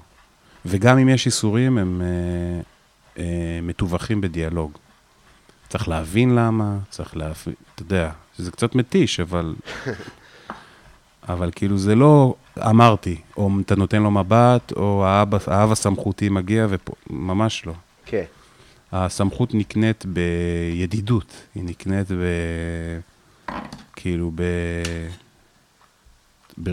ב... באמון. באמון, כן. כן. כן, הם- הם- סבבה. הם- הם מעניין, אני לא זוכר מה היה... שאבא עד גיל 12, אבא הוא סטנדאפיסט, זה ברור. אבא הוא איש, הוא שחקן, הוא אדם אה, מצחיק מאוד. אה, לפעמים זה מתיש, כי אתה גם רוצה אבא ש... אבא כמעט 99% מהזמן עושה דחקות. הכל אצלו זה דחקות. הוא רק, אה. הוא סטלבט כל הזמן, הוא כאילו, זה כיף, אבל זה גם מתיש לפעמים. אתה רוצה כאילו, אתה יודע, אתה רוצה לפעמים שרגע, שייקח את החיים ברצינות. נכון. אה, אני מרגיש שהוא, תשמע, הוא כאילו ה... כן, לא יודע. בסדר. לא, לא זוכר מה מה היה, מה היה משהו ש... התחלת להגיד שעד גיל 12-15 הוא היה קשוח איתך, ולאחר מכן הוא נפתח, ו... כן, כן, כן, שכאילו התחלתי להבין את, ה, את הטון של הזה. אה, וכאילו שאני כאילו מקשר את ה... בקיצור, אם יש מישהו דמות אה, מאוד מצחיקה במשפחה, מהמם. זה, זה בוודאות, אה, זה בטח. כן. אה, למרות שבאמת כילד זה לא היה נתפס ככה, אבל אתה... אבל בוא, זה לא רק הוא, זה כל אבל- המשפחה שלו הוא כזאת. הם, הם, הם, הם, אתה יודע, אתה- אני זוכר שפעם אחת אה, הייתי נער כזה, מתבגר, נגיד בן 13, קניתי משקפי שמש, הייתי כולי בתודעה, עכשיו שאני הכי מגניב בעולם, וזה, נכנס לאסתר, דודה הביתה. איך שהם מסתכלים עליי, כולם, וואו, קה, קה, קה, קה, קה, קה, תראו, אתה חושב הוא קליף ריצ'רדס. כן, כן. מה זה, ביאסו אותי, נכנסתי לחדר, לא יצאתי שעתיים, כן? כן, כן, כן. עכשיו? ב... זה האנשים, כאילו. כן? לא, זה- אני יודע, בטח. גם, אני עם תיק, תמיד. כן. 100% מהזמן. ואתה יודע, בשבעה של דודה שלנו, אורית, זיכרונה לברכה, רק מסתלבטים על התיק. כן. זה הדבר היחידי שמעניין כן. אותם. אה, כן. אז איזה קטע שאמרתי, שאמרתי, טוב די, נו מה, אתם, יש לכם משהו נגדי, מה קורה? לא מפסיקים להעיר לי על התיק. לא, לא, סליחה, סליחה, סליחה, וזה, ש... באמת, שש דקות של שקט, אני מוציא את התיק, הנה התיק, אה, כולם פיפי, אה, אני עוד פעם. עכשיו, אני, אני אוהב את זה, וגם אני כזה, וגם, ואני מרגיש שהרבה מה... כל הילדות שלי הייתה כזאת, הייתי כאילו... דחקות. דחקות, ומחפש אה, אה, אה, כאילו חסרונות וכזה באנשים. אה, אני יודע מה הוביל אותי לנקודה. אז סבבה. אז אני רוצה להגיד שאני קרוע בין ה... בין אבא, בין לעשות, להיות, לעשות סטנדאפ וזה, לבין ה... בסוף אני, מה זה, אתה יודע, לא, לא רוצה לעשות כסף, אבל כאילו, רוצה לשרוד, רוצה להיות, אני איש רציני, ואז לפעמים אני עושה דברים, אנשים מהסטנדאפ עושים דברים, טמטום, אני 34, אלוהים שישמור לי. לך הביתה, תקום בבוקר, תביא ילדים, אתה יודע, זה כאילו... נכון. אה, איך אה, משפיע... טוב, אז כאילו דיברנו על אבהות ויצירה, אבל כאילו... אני, אני רוצה להגיד רגע, אני חושב שאבא, קודם כל, קודם כל, מבחינתנו, איך שאנחנו גדלנו, אז אבא הוא אדם מאוד מאוד רציני של עבודה. מאוד. אבל הוא כל היום עושה דחקות. צריך לז... אימא, המשפחה שלה, משפחה של uh, גמרא, זו משפחה של uh, פלפולים דתיים, ואני זוכר שיש לי זיכרונות מאוד חזקים מביקורים במשפחה, כאילו כולם יושבים ומתווכחים על סוגיות, כן? כן. וזה גם מחדד אותך, כי אתה צריך ל- לעמוד במרכז, או, או מתישהו מגיעים אליך, ואתה צריך כאילו לתת uh, תשובה. אה, לגבי איזה סוגיה כזו או אחרת, כן? סוגיה הלכתית או סוגיה... עכשיו, זה לא בהכרח הלכתית במובן של מספר ההלכות, כמו מחש... חשיבה של אה, הלכה, חשיבה של כאילו, של פתרון אה, אה, בעיות ב... במסגרת של חוק יהודי. אז אתה יודע, זה גם משהו שמאוד מאוד חזק, אני חושב, כאילו, השפיע עלינו. כאילו, אנחנו אנשים שאוהבים לדבר, אנחנו אנשים שאוהבים להביע את דעתנו, אנחנו אנשים ש... שרוצים להשמיע את הקול שלנו כשאנחנו נמצאים בחדר. אנחנו לא האנשים הכי צנועים בעולם, אנחנו לא האנשים הכי נחבאים על הכלים וכולי. אה, אז כאילו זה שני מופעים של שתי סוגים של משפחות, בש, ששונות אחת מהשנייה, אבל בשניהם הצורך לדבר ולהיראות ולהשמיע וזה מאוד מאוד חזק. וזה מחשל אותך בתור ילד, כי אצל אבא אתה צריך, אם אתה חלש, אה, גמרת את ה... אכלת אותו, כאילו, כן? נכון, נכון. כאילו, אין פה, אז אז אתה, צר- אז אתה נהיה, זה מחדד אותך. כן. עכשיו, כאילו הם עושים את זה על הגבול הדק שבין אביוז לבין אהבה, נכון? כי זה הכל ברוח טובה, זה משפחה, ואם חלילה יקרה לך משהו, אז משפחה דואגת ואוהבת ותומכת וכולי, אבל להסתלבט עליך כל עוד אפשר. כן. טוב, עשינו הפסקה קטנה. ומה אמרת לי שאתה... מה אמרת לי מקודם? אמרתי לך שאני רואה את עצמי כבן אדם מאוד משעמם. למה? כן, בן אדם משעמם. מה אני עושה כל היום? אני עובד ועם המשפחה שלי. כן, ככה אתה מרגיש? לגמרי, אני חי בפנים, כאילו, אני לא חי בחוץ. כאילו, אני ב... לגמרי... כן. אני יכול לשבת 12 שעות, 10 שעות מול מחשב, לעבוד, להגיע הביתה, להיות עם המשפחה שלי, ללכת לישון, ככה כל יום. זה מה שאני עושה. זה מה שאתה עושה. כן. לא, כשהייתם בארצות הברית עשית הרבה דברים. אני הולך להופעות הרבה, אני אוהב מוזיקה. כן. רצית קצת להיות מוזיקאי? בטח. כן? בטח. מה, איזה מוזיקה? אני יכול להגיד שאני... אה, גם- גם, גם על זה השפעת. זה כאילו, אה, נגיד הסמיץ וכזה, נכון? כן. אז מה... אתה יודע מה הקלישאה על קולנוענים? מה? על במאים? שהם לא טובים בשום דבר, אז הם הולכים לעשות קולנוע. כי כאילו קולנוע יש בו מוזיקה וציור וצילום, ות... וכן, וכולי וכולי, ודרמה ותיאטרון ומחזאות. ו... אז uh, בטח, מוזיקה זה, אתה יודע, זה מה, זה מדהים. זה מדהים מאוד, בטח. אני כאילו... אתה יודע שהייתי בכיתה מוזיקלית אה, רבע שעה. לא. הייתי בכיתה מוזיקלית כזמר, כן. ועכשיו אני יכול לשיר. כן. אני באמת יכול לשיר, אני כאילו... לא, כנראה... כנראה לא טוב, אתה כאילו, אתה רק מגלה את זה בגיל יותר מאוחר, שאתה מבין, שאתה רואה אנשים שיודעים לשיר. אתה כאילו כזה, אוקיי, אני לא כזה טוב. כן. אני כאילו יודע לשיר, כמו, תראה, יש הרבה זמרים היום שהם אה, שרים אה, אה, AI של זמר. אין איזה ייחודיות ניכרת, אז אני מרגיש נגיד שאני יכול לשיר כחיקוי, אבל לא באמת לשיר. והייתי בכיתה מוזיקלית וביקשו ממני לשיר, והוא מול כולם אמר לי, אתה עובר לכיתה אחרת, אתה, לא... מוזיקלי זה לא, כאילו, משפיל מאוד. ניסית, אתה מנגן על גיטרה. למדתי באולפנה במזרע, זה קיבוץ מזרע, שהייתה שם אולפנה, הייתי נוסע פעם או פעמיים בשבוע ולומד אה, על גיטרה בס.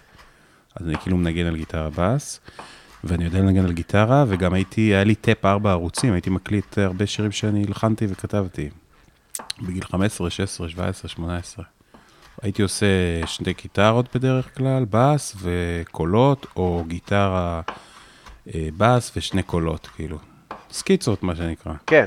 אה, אני חושב שאתה יודע, כאילו, זה...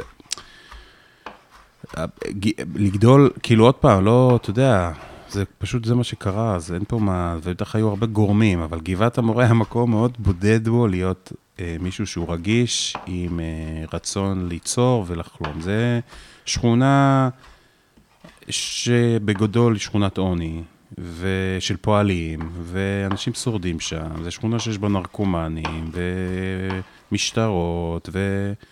אתה יודע, מה זה פתאום הנפש העדינה הזאת שבה? זאת אומרת, בטוח שהיו שם הרבה נפשות עדינות, אבל הם היו צריכים להסתיר את זה, כי היית יכול לשלם מחיר כאילו קשוח. כן. אז גם אין, אה, וגם לא גדלנו בתודעה כזאת של כאילו, אתה יודע, היום ההורים כאילו הם בטירוף על הרגישות מול הילד ומה שהילד צריך, וחוגים וכאלה. עכשיו, כן הייתי בחוגים, כן? אבל, אתה יודע, חוגים כאלה של המתנ"ס, וחוגים סייף. שה... כדרות. כדרות. אה, הייתי כן בתיאטרון, הייתי בחוג, אה, אתה יודע, אבל כאילו, מוזיקה זה ממש דרשתי, ושלחו אותי, וגם קנו לי גיטרה. אה, אבל אתה יודע, זה לא, זה כאילו לא, אתה יודע, זה לא היה מעקב אחרי זה וזה. עכשיו, זה לא משנה, אתה יודע, כנראה ש...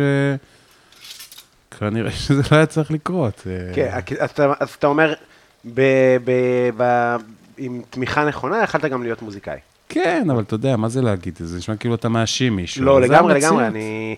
תראה, אני כאילו מרגיש שאני קצת... אה, ב- ב- אמרת לי גם שזה מבולגן. אמרתי לך, זה קצת השיחה. הרעיון, כן. כן, בסדר. זה לא, בסדר, סבבה. אה, שיחה, אני. מזדהה עם זה מאוד, עם הזה, אבל אני כאילו, בגלל שאני יודע שאפשר, כזה, אם אתה מספיק חזק ומתאמץ וזה וזה, אז זה כאילו גם, אז אני מבין את העניין הזה של האשמה, אבל זה אין, אה, אם אתה רוצה, זה יקרה. לא, עוד- עוד פעם, אנחנו גדלנו, כאילו, אתה יודע, אתה שאלת אותי, הסרטים שלך וזה, אתה מתעסק בצדק וזה. בוודאי, אנחנו גדלנו בפריפריה, בתנאים אה, לא. טובים, עם אה, בתי ספר שברובם הם בתי ספר אה, אה, מקצועיים. האנשים שהיו סביבנו עבדו במסעדות, בתחנות דלק, במקרה הטוב היה להם עבודה בחברת חשמל, או, או שהם היו שוטרים, או בקביעות בצה"ל, וגם, זה לא היה אנשים שהיו טייסים, זה היה אה, נגדים, או חימושניקים, ש... אנשים טובים, זה לא קשור, ואני אומר, זה, כן. זה, זה עיר של פועלים. אתה לא חושב להיות אה, מוזיקאי או משורר או סופר, ברור שאתה חושב, אנשים יצאו ממקומות כאלה, סופרים ומשוררים ומשוררות גדולות וענקיים, כאילו, זה לא משנה, אז אני לא רוצה כאילו להיתפס למקום הזה, אבל... ויש גם את המבנה של המשפחה שלנו, כנראה, שאתה יודע, לא... זה לא היה בראש אה, מעיינם, כאילו, הדבר הזה. אה, אבל... וכן, אתה יודע, זה לא שהיה חדרי חזרות, ואז מצד אחד, מצ- מצד אחד, מצד שני, אתה יודע, אני כאילו, הדבר שעשיתי בחמש, שש שנים של הנעורים, נגיד, מגיל 13, 12 עד גיל, עד היום אני עושה את זה, אבל כאילו, נגיד, עד, עד שכאילו 20 כזה, כן. זה לקנות דיסקים בגדול, כאילו, זה מה שהייתי עושה, הייתי עובד וקונה דיסקים, עובד וקונה, היה לי כאילו, אתה יודע, מלא דיסקים וזה וזה וזה. עכשיו, זה גם לא היה, אני, בן 42, אז לא היה יוטיוב, אה, ולא, בטח לא היה ספוטיפיי וכולי, כן? אה, אז זה לנסוע פיזית ל... לחיפה, לפיקדילי או לתל אביב, לד... לס... ל... אתה יודע, לדיסק... לסנטר, לכל מיני מקומות כאלה, או כזה לאילת. האוזן כזה? או האוזן, או פיקדילי, או הסנטר שם מה זה היה... פיקדילי? על שם פיקדילי סירקס? פיקדילי סקוואר. פיקדילי סקוואר. כן, זה אה, כאילו האזור כן, של הפאנק וכאלה. מה? יש משהו כזה? יכול להיות, אני לא יודע. כן, סקואר. סקואר. אה, או לנסוע ל...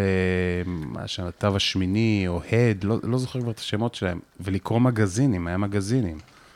אתה מבין? אה, NME, NM, NME, אני כבר לא זוכר, אבל היו מגזינים של מוזיקה, אתה מבין? לא היה אינטרנט, אתה לא נכנס כאילו ל...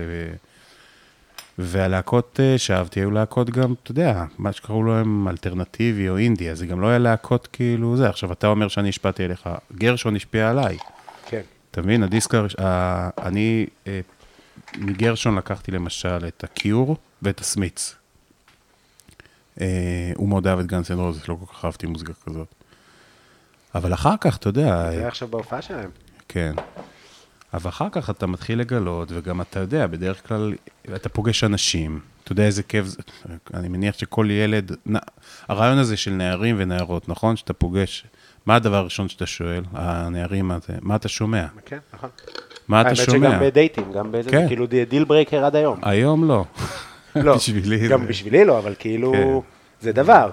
כן. זו שאלה שעולה אה, די מהר. כן, יותר היום אה, יש לך פנסיה, יש לך קרן השתלמות, אבל אה, סתם. אבל אה, אתה יודע, אז, אז כן, זה היה דבר מאוד מאוד דרמטי, מאוד מאוד קריטי, ואתה בגיל ההתבגרות, מחפש כאילו את הדומים לך, את הז... אתה מתעסק בשאלות של זהות, בלה בלה בלה. אגב, גם, כאילו, גם אנטיתזה לכאורה למה שאתה שומע בבית.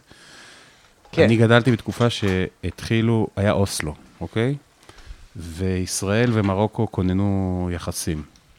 אז היה את הגל זאת אומרת, הראשון. לפני היחסים שהם יכוננו עכשיו. כן, כן, היה ממש הקודם. כאילו זה, והיה גל, עכשיו, היו תמיד ישראלים מרוקאים שנסעו למרוקו, אבל באמצע שנות ה-90 היה אה, רנסאנס כזה פתאום. עכשיו, תחשוב שזה אנשים ש-20-30 שנה בישראל, כן? כן. זאת אומרת, זה אנשים שהיגרו ממרוקו ולא ביקרו בה ב-20-30 שנים, ופתאום יש להם הזדמנות לחזור. והחיים היהודיים במרוקו היו חיים מאוד מאוד מאוד, כאילו, טובים סך הכל, כאילו, מאוד מאוד שורשיים, מאוד, תחושת שייכות, לא הרגשת שזה לא המדינה שלך. אה, אז תחשוב שתוך כדי זה שאני אוהב את סוניק יות', כן, או את הפיקסיס, או את, אה, או את הסמית'ס, או את ג'וי דיוויז'ן ולהקות כאלה, בבית יש פתאום רנס... אבא אוהב מאוד מאוד מוזיקה יוונית, כן? נכון. אבל היה תקופה שהוא היה שומע הרבה שעבי. شعب זה עם בערבית, זה בעצם מוזיקה עממית. עממית, הכוונה פופולרית, הכוונה רדיו. כן. אז הוא היה שומע אה, זמרים מרוקאים של אותה תקופה. עכשיו, המוזיקה המגרבית היא שונה קצת ממוזיקה, נגיד, מצרית, או, או פלסטינית, או לבנונית, כן? יש לה מקצבים קצת אחרים, אולי קצת יותר אפריקאים, אפשר להגיד. אה, שילוב כזה של ערבי ואפריקאי וראי וכל מיני כאלה. אה, אז יש לך את הדבר הזה בבית. אז מבחינתי, זה היה גם למרוד בזה. אתה מבין? אז אני רוצה ללכת ל... אני ממש באיזשהו שלב, אמרתי לך מקודם שאני אדם משעמם בעיני עצמי, אה, ואני חושב שכאילו, ושאני חי בפנים, אז נגיד בתור נער, לא, חש, לא חשבתי שאני גדל בעפולה. הייתי בטוח שאני במנצ'סטר, כאילו, שזה גם פועלים, כן? אבל פועלים בריטים, כן. כאילו, כן? אה, בגלל שהתודעה הייתה תודעה של אלבומים, תודעה של מוזיקה, כאילו. אה,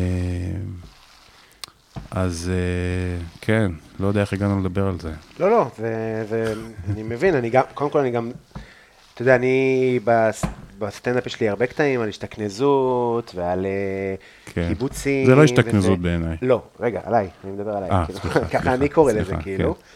לא, לא, אני, אני, גם לי יש בעיה עם המושג הזה, ואז אני גם בתוך הקטע אומר שכאילו, מה הבעיה עם המושג הזה? תמיד דברים טובים, אף פעם לא תגיד, אה, זה גם לא כזה, כזה- לא כזה קטע שאני עושה הרבה, אבל כן. שזה הבעיה, שזה כאילו, סתם, שמרוקאי מדבר צרפתית, אז הוא צרפוקאי, וכשאשכנזי מדבר צרפתית, אז הוא אינטליגנט. זה כאילו כל כן. מיני דברים כי קטנים כאלה. זה ההטמעה של הדיכוי כאילו בישראל. ישראל יצרה מצב שבו כל מה שהוא ערבי או ערבי קולוניאלי, זאת אומרת, תחת הקולוניה, לא משנה אם זה דרך האימפריה הבריטית או, או הקולוניה הצרפתית, הוא נחות, הוא נמוך, הוא חיקוי, אה, הוא לא הדבר האמיתי.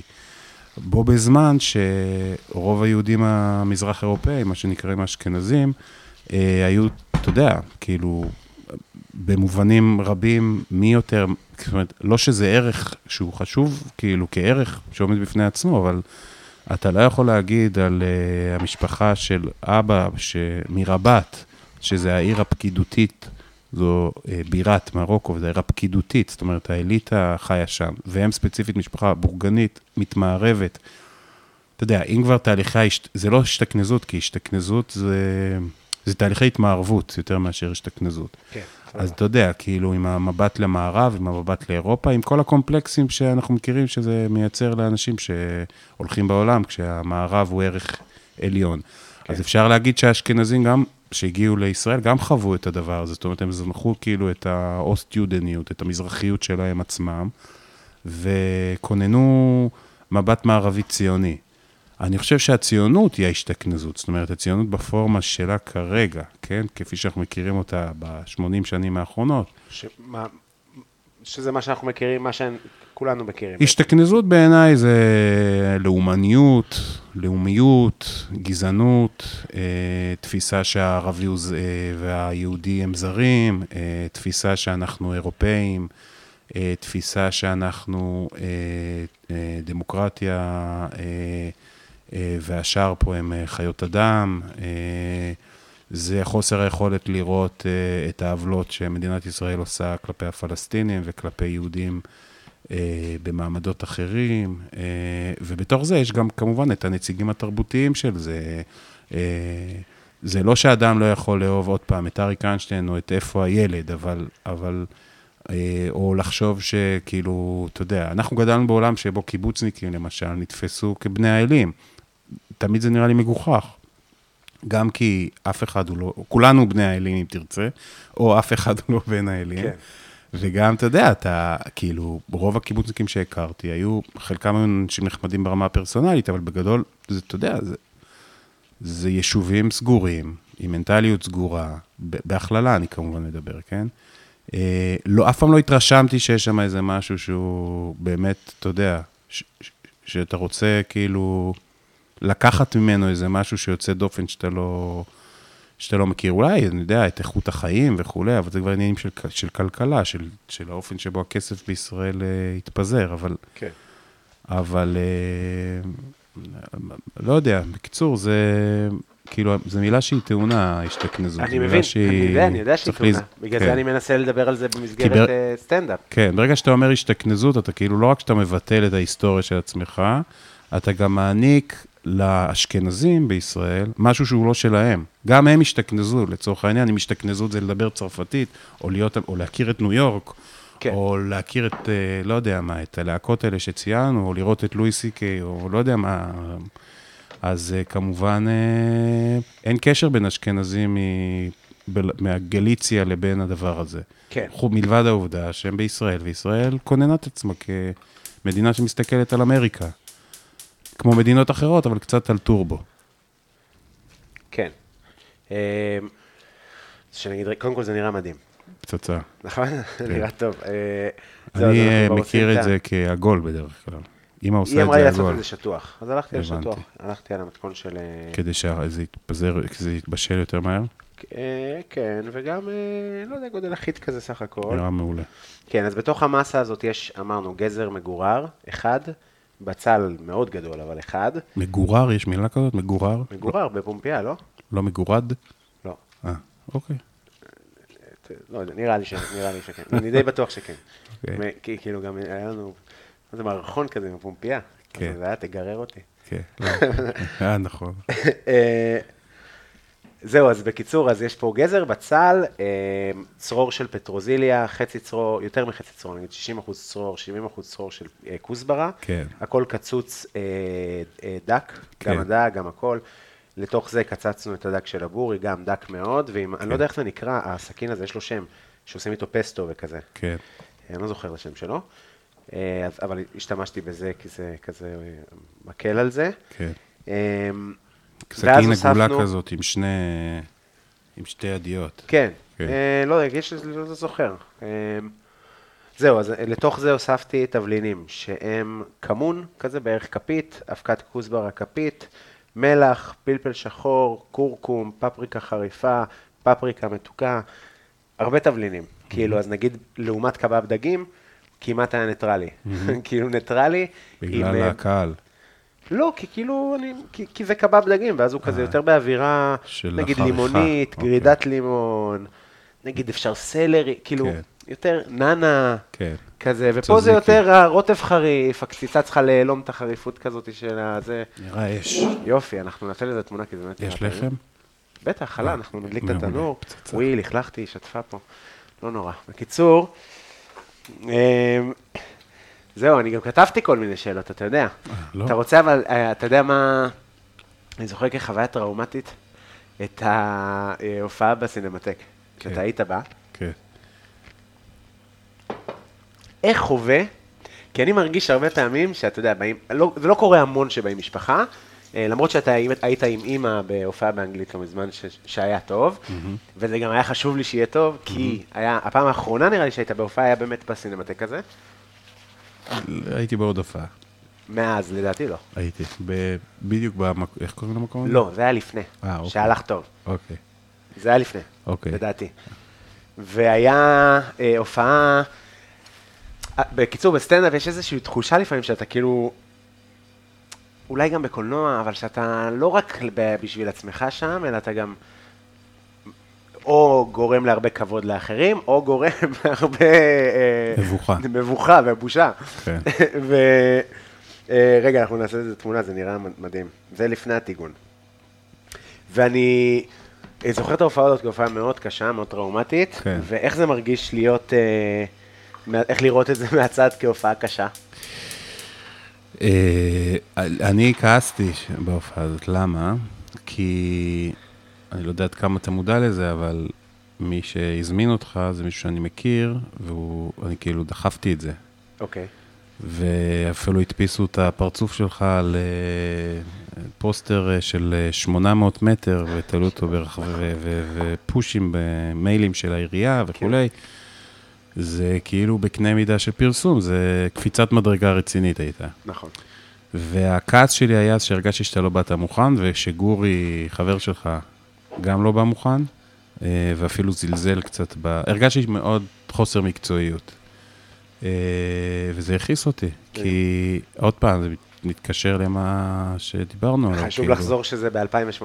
לא, לא, הכל טוב, אתה יודע, לא, שאלת אני- איך הרגשתי. כן, כן, כן, כן, כן, לא, תמשיך. אני כאילו. אתה יודע, אתה צריך לעבוד קשה, אין לך את הפריבילגיה לא לעבוד קשה, אין לך אין לך את האפשרות הזאת, אין לך את האפשרות הזאת.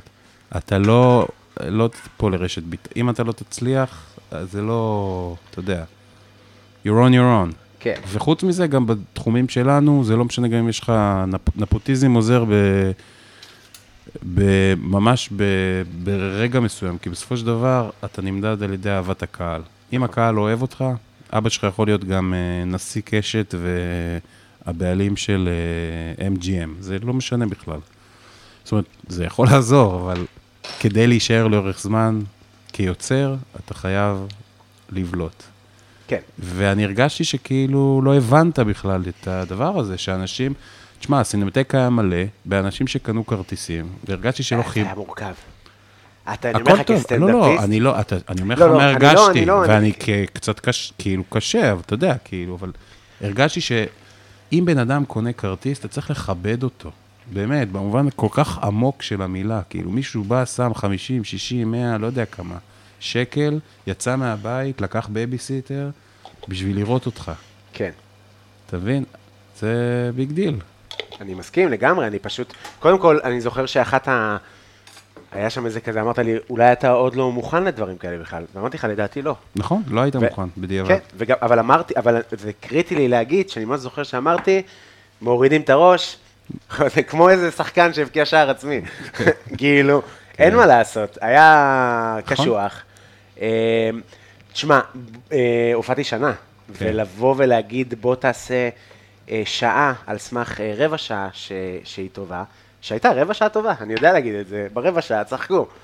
עכשיו צריך למשוך עוד שעה. כן. אז היום בפודקאסטים של קומדיה אומרים כזה, אז מדברים קצת עם הקהל, אבל בשביל לדבר עם קהל, אתה צריך להיות במקום בטוח. בטוח. וזה היה קשה ברמות. ואני אני, ממש, אני באמת מבין את הכל. אני גם זוכר שאני אומר לך, לקחתי את זה קשה, חבל זה הזמן. טוב מאוד שלקחת את זה קשה. לגמרי, אני... אבל גם טוב מאוד שלא נשברת. כן, ואז זה הפך לשיעור, כאילו, זה בסדר, טוב, כן, מה? לגמרי. בסדר, גם לי יש גם מקומות שאני כאילו פספסתי עם אנשים. מה, מה לדעתך הפלטה המקצועית הכי גדולה שלך או משהו כזה? ב-2012 אה, עשיתי סרט קצר שזכה בפסטיבל בברלינלה. נראה טוב. נראה אימא'לה. זה ברלינלה טאלנט קמפוס, זה היה תחרות כזאת, זה מאוד, זה פסטיבל ברלין, אוקיי? זה כאילו, בטקס שחילקו את הפרסים היה כאילו, לא יודע, זה 400 איש. אוקיי. גאלה מטורפת, כאילו בכירי התעשייה של הקולנוע, כאילו אנשים שאתה, אתה יודע, כאילו... רוצה וצריך אה, למצוא חן ביניהם. לא, וזכיתי בפרס הראשון. אוקיי. זה היה big deal. עכשיו, למה זה היה big deal? עכשיו, לא הבנתי בכלל, אתה מבין? עכשיו, זה גם קשור למה שדיברנו מקודם. על המקום שהגעת ממנו. אתה לא יודע, אתה לא מבין בכלל, הכל כאילו קורה כמעט בטעות. בטעות, לא בטעות, אתה עובד מאוד קשה, אולי יש גם כישרון מסוים, אבל אתה עובד בעיקר קשה, ומזל. והרגע הנכון, ו... ו... אבל, אבל אתה לא בעולם שבו אתה יכול להתקשר אחר כך להורים שלך והם אומרים לך, תעשה ככה וככה, או שיש לך איזה דוד, או חבר, או, או מכר של המשפחה, או, או חברים אחרים שעושים את הדברים האלה, אתה מבין? כן. אה, זה משהו שהוא כאילו, אתה יודע, קצת, אה, וזה גם, וזה בסדר, עוד פעם, זה מה שזה. אבל אני אומר, התח... קיבלתי המון פניות. אה, והפנייה הכי מרשימה שקיבלתי היה מפסטיבל סנדנס, שהזמין אותי ל... ל... ל... ל... זה לא סדנה, זה כאילו lab כזה, מעבדה של אה, תסריטים של אה, זה. איך אני אוהב את המילה מעבדה ביצירה. כן. אבל זה. סנדנס גם, אתה מבין? זה כן, כאילו... רציני. רוב הסיכויים שתצא משם עם סרט. זה היה feature fiction, כאילו שאז חשבתי שזה מה שאני אעשה, סרטים עלילתיים, כי הסרט שזכה היה סרט עלילתי. כן. אה, ופשוט לא חזרתי אליהם, כאילו לא כל כך ידעתי מה להגיד להם. וחבל. למה לא חזרת אליהם? כי לא הבנתי כל כך מה, כאילו, לא הבנתי. לא הבנתי מה אני צריך לעשות, איך אני בדיוק צריך, כאילו, מה, אני אטוס לשם, כאילו, למרות שהמייל היה, כאילו, מז... הזמינו אותי, פשוט לא חזרתי אליהם, כאילו. אבל אה, שנה אחר כך הבנתי יותר את העולם, ואז הוזמנתי על ידי, נגיד, פסטיבל שנקרא טורונטו, TIFF, שהוא גם פסטיבל חשוב. כן.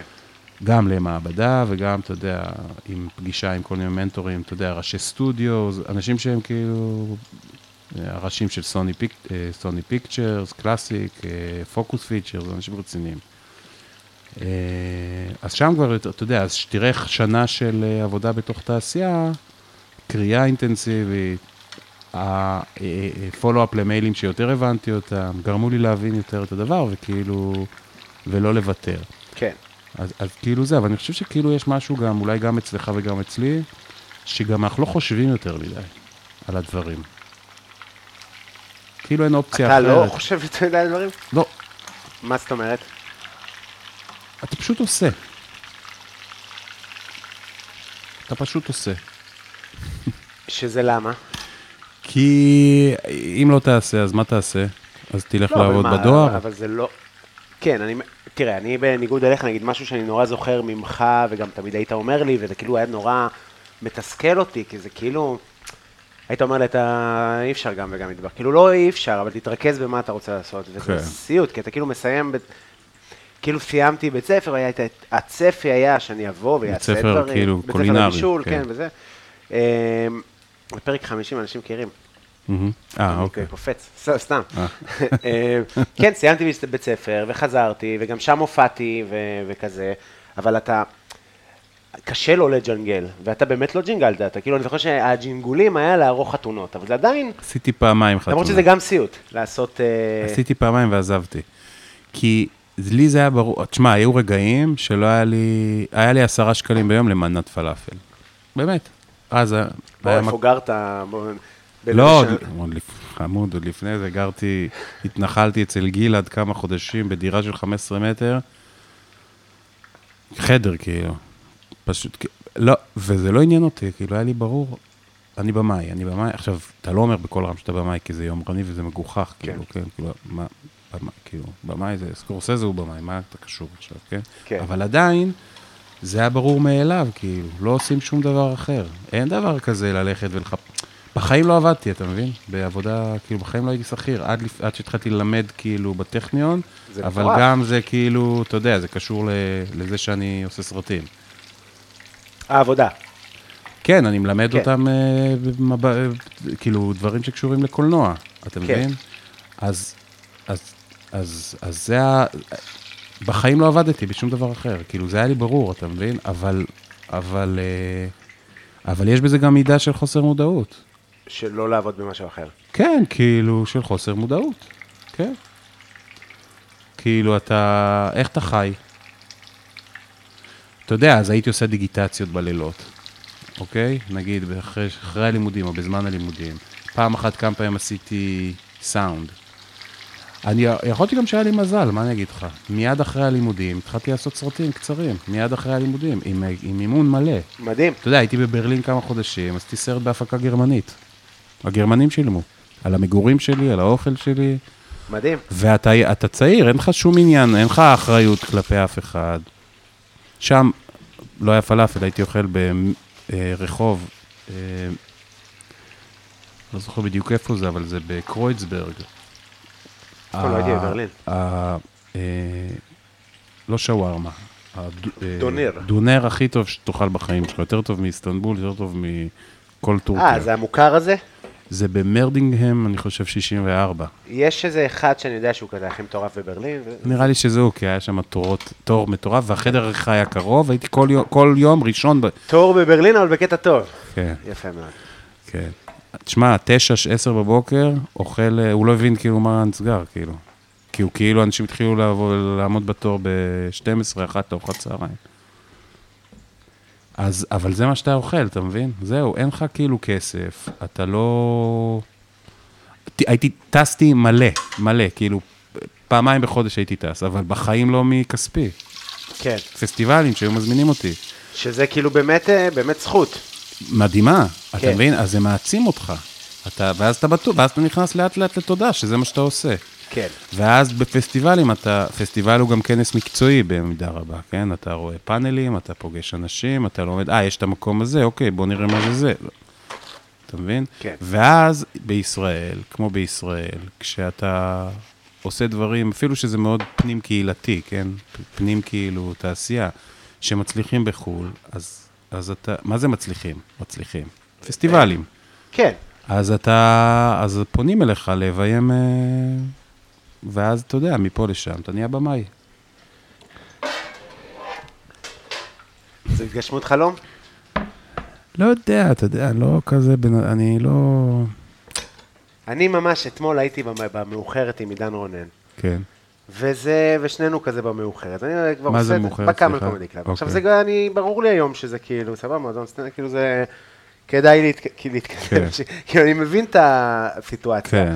אבל זה היה, תשמע, זה כיף, זה כאילו איזושהי, נכון. זה, זה מרגש. תשמע, בערב, בערב הזה שהכנת את האוכל, שהיה מאוד מאוד מאוד מאוד מאוד טעים, והייתי שם, זה היה אצל חבר, נכון, זה אצל חברה שלי שמבקרת בארץ והזמינה אותך, והזמינה גם חברים שלה שהיא הכירה ב... לא משנה איפשהו, ו- ו- ו- והם באו. והוא מנכ"ל מקצועי כזה, זאת אומרת, מנכ"ל של חברות גדולות במשק, כן?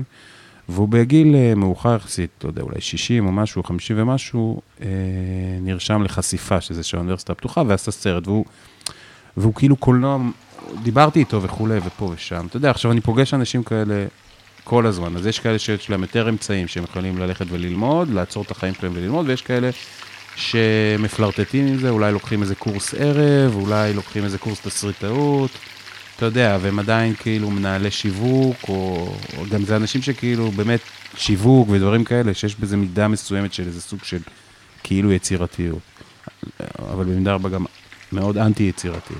כן. ואתה רואה שזה אנשים שלא היו מוכנים לעשות את האקסטרה מייל בחיים שלהם ולשלם את המחיר. להיות יוצר בכל העולם. בכל העולם. זה דבר שהוא מאוד לא יציב, הוא מאוד מפחיד, הוא מאוד אה, חסר ודאות, הוא לא כלכלי מאוד, אתה יודע. אה, ו... ו- ואני כאילו, אתה יודע, תמיד לא חשבתי על זה, פשוט זה מה שזה, זה מה שזה, זהו. וכאילו נראה לי שאם אתה לא אובססיבי, אם זה לא, זה לא ב-DNA שלך, אם זה לא... אתה מבין? כן. כן. אני חושב שזה לא... נראה לי, לפחות. כן. כאילו, אני לא רואה מישהו שבגיל 50 עוצר הכל, ואז נהיה פתאום מוזיקאי או קולנוען, או...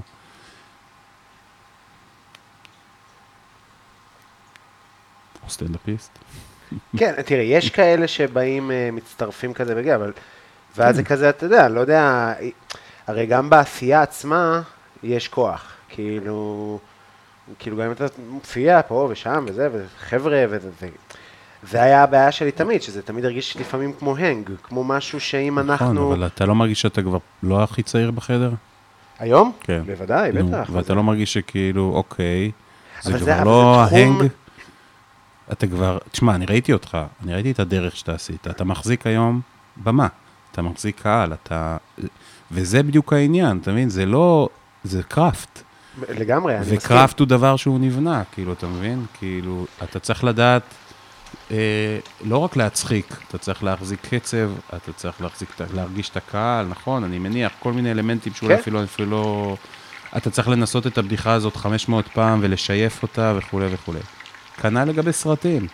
כל סרט אתה משתפר, אתה מבין מה זה מיזן סצנה, אתה מבין מה זה עריכה, אתה מבין איך מוזיקה עובדת, אתה מבין מה זה אלמנטים של מצלמה, עדשות, תנועה, כן? כל דבר כזה, איך מידע עובד, איך ארכיונים עובדים, זה בדוקומנטרי וכולי. מה, מהו, אה, מה סרט החלומות שלך? מה הסרט שאני רוצה לעשות, שאני כן. חולם לעשות?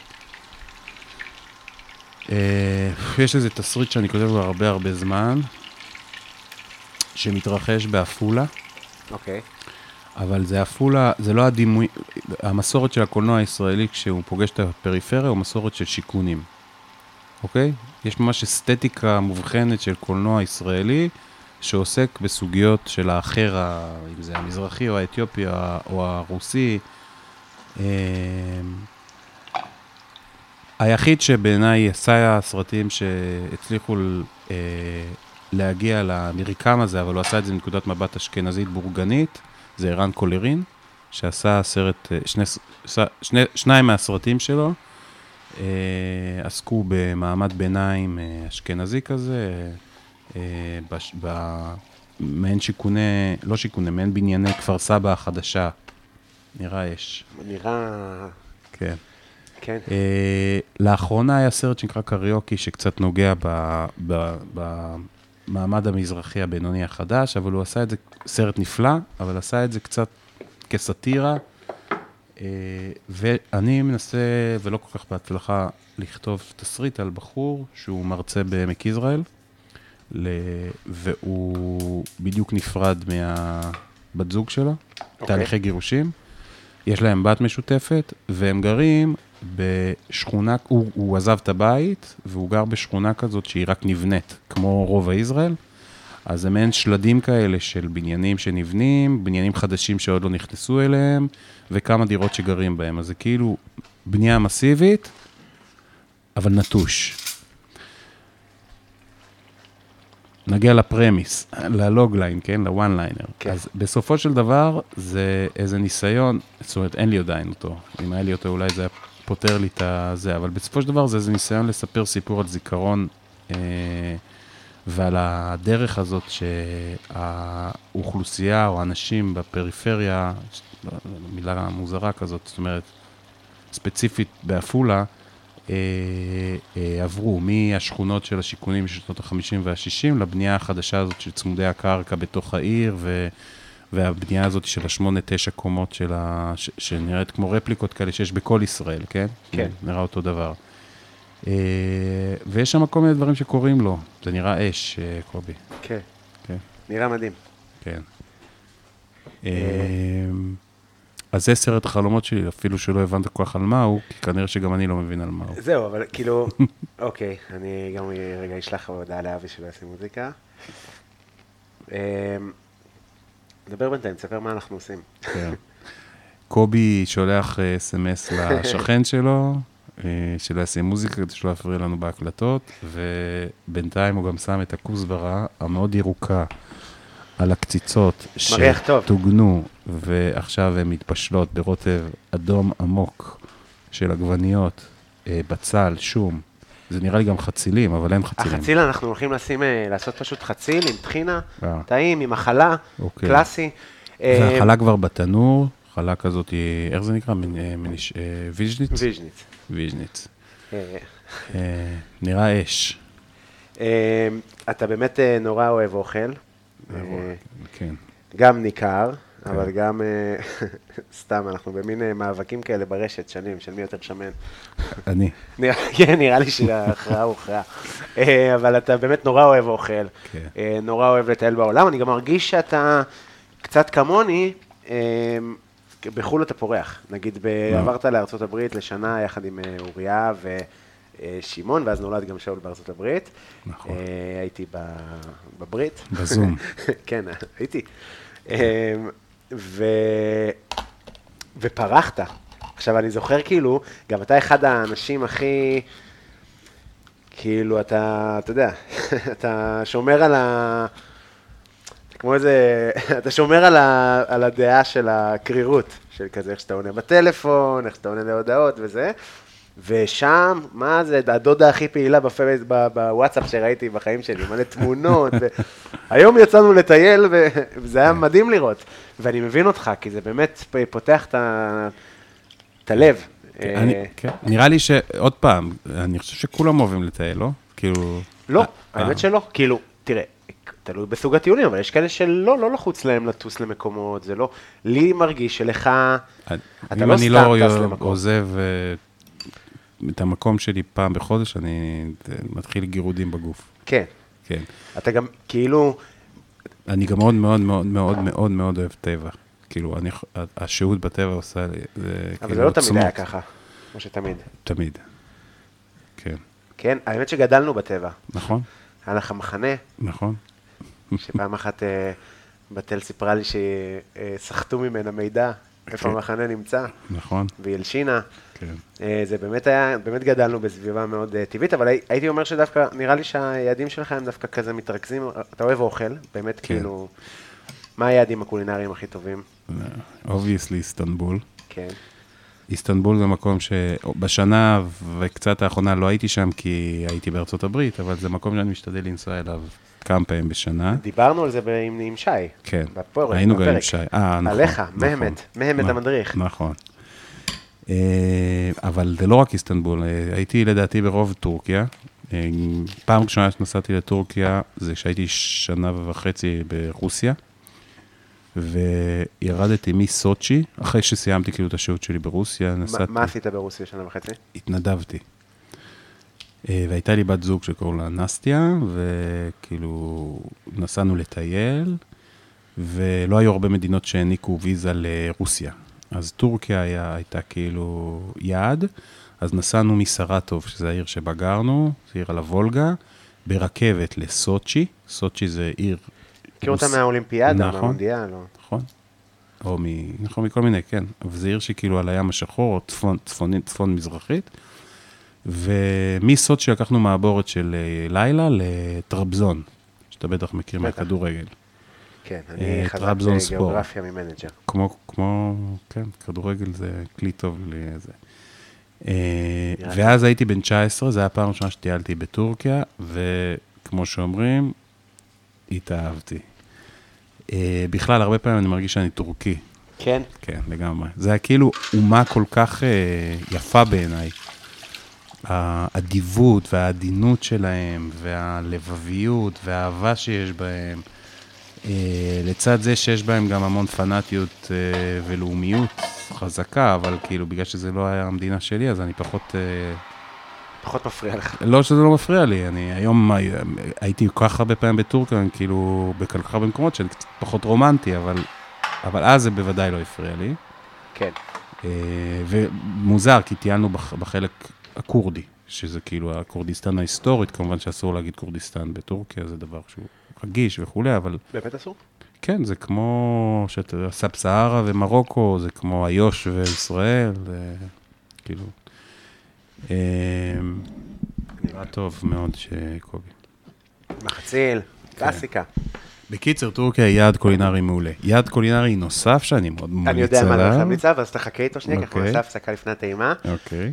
טוב, אני מביא, אה, אנחנו חזרנו, אני עשיתי הפסקה קטנה, אמרת שאתה רוצה להמליץ על אה, עוד יעד. אה, כן. אז אנחנו רגע נעשה את התמונה, תטעם וזה, ואז אה, נתראה, אימא לרפי.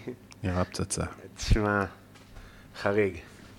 וואי וואי וואי וואי.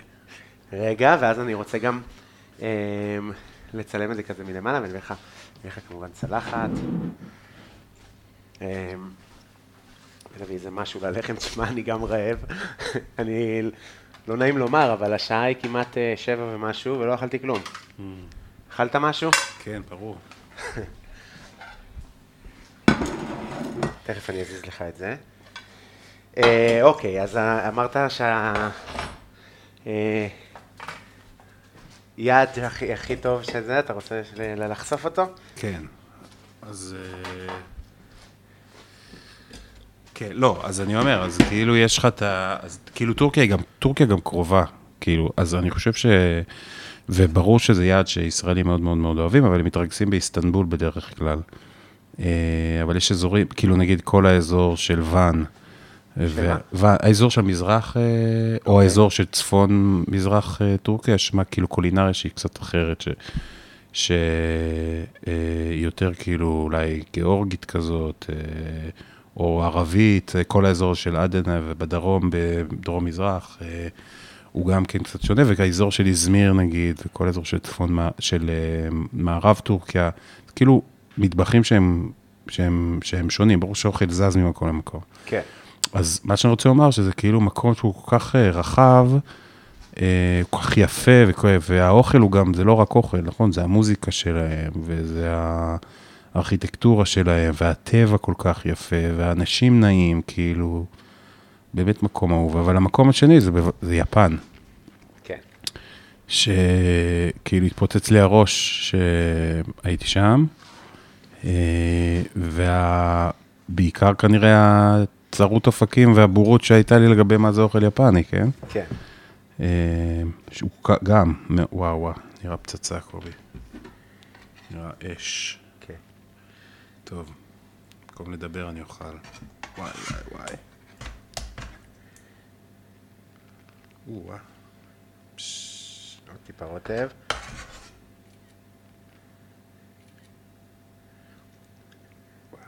תשמע. יש לך... כן, שומעים. לא, נראה רמה גבוהה. נראה רמה גבוהה, האמת. האמת, אני... מה אתה אומר על pop-up קציצות דג? מוצלח מאוד. כן? בטח. מי, אני לא יודע, זה כאילו מנה... שמתי לך שום שלם, כן. אה, אני חושב ש... לא יודע, לא נראה לי שזה... תראה, זה גם אפשר להגיד שזה... דג מרוקאי תפס יותר מקציצות דג. כן. למה? לא יודע, אולי כי... כי אה, יותר קל להכין דג מאשר קציצות דג, שזה גם לא כזה קשה, אבל... לא כזה קשה, אבל זה יותר... אה, יותר קראפט, יותר מאתגר. אה, כן. כן, יותר, יותר תהליכים אולי, כי, כי בסוף זה לעשות קציצה, זה לא פה צריך להיות פה איזה אבל אסתטיקה. התהליכים, התהליכים. אה, דג. זה, זה פשוט, חבל שלא הבאת לי, אבל סכו"ם. סליחה.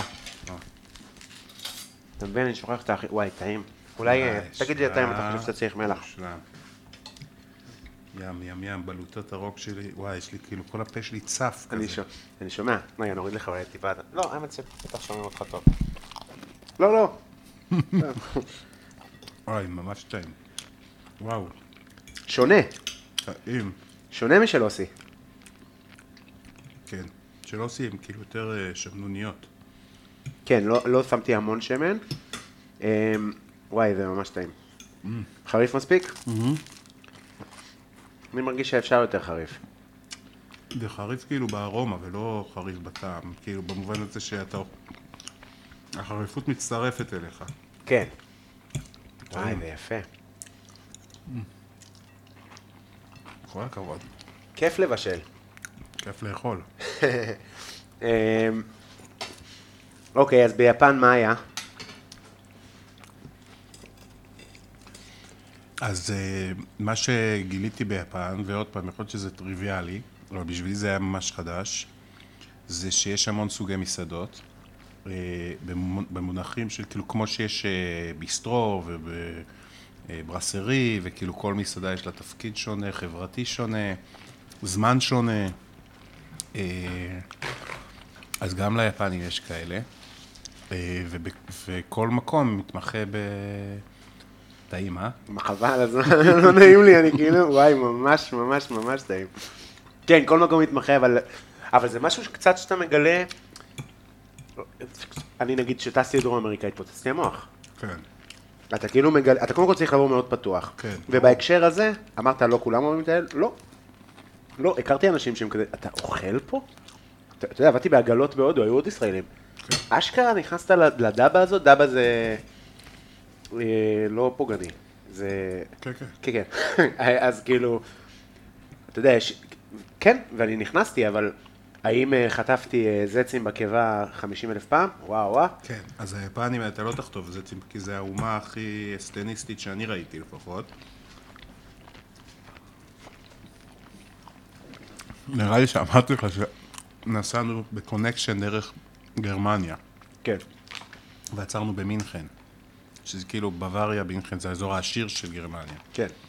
אז כאילו בשונה מברלין הוא קצת יותר מסודר ונקי. לא שברלין לא נקייה, אבל כאילו, אתה יודע.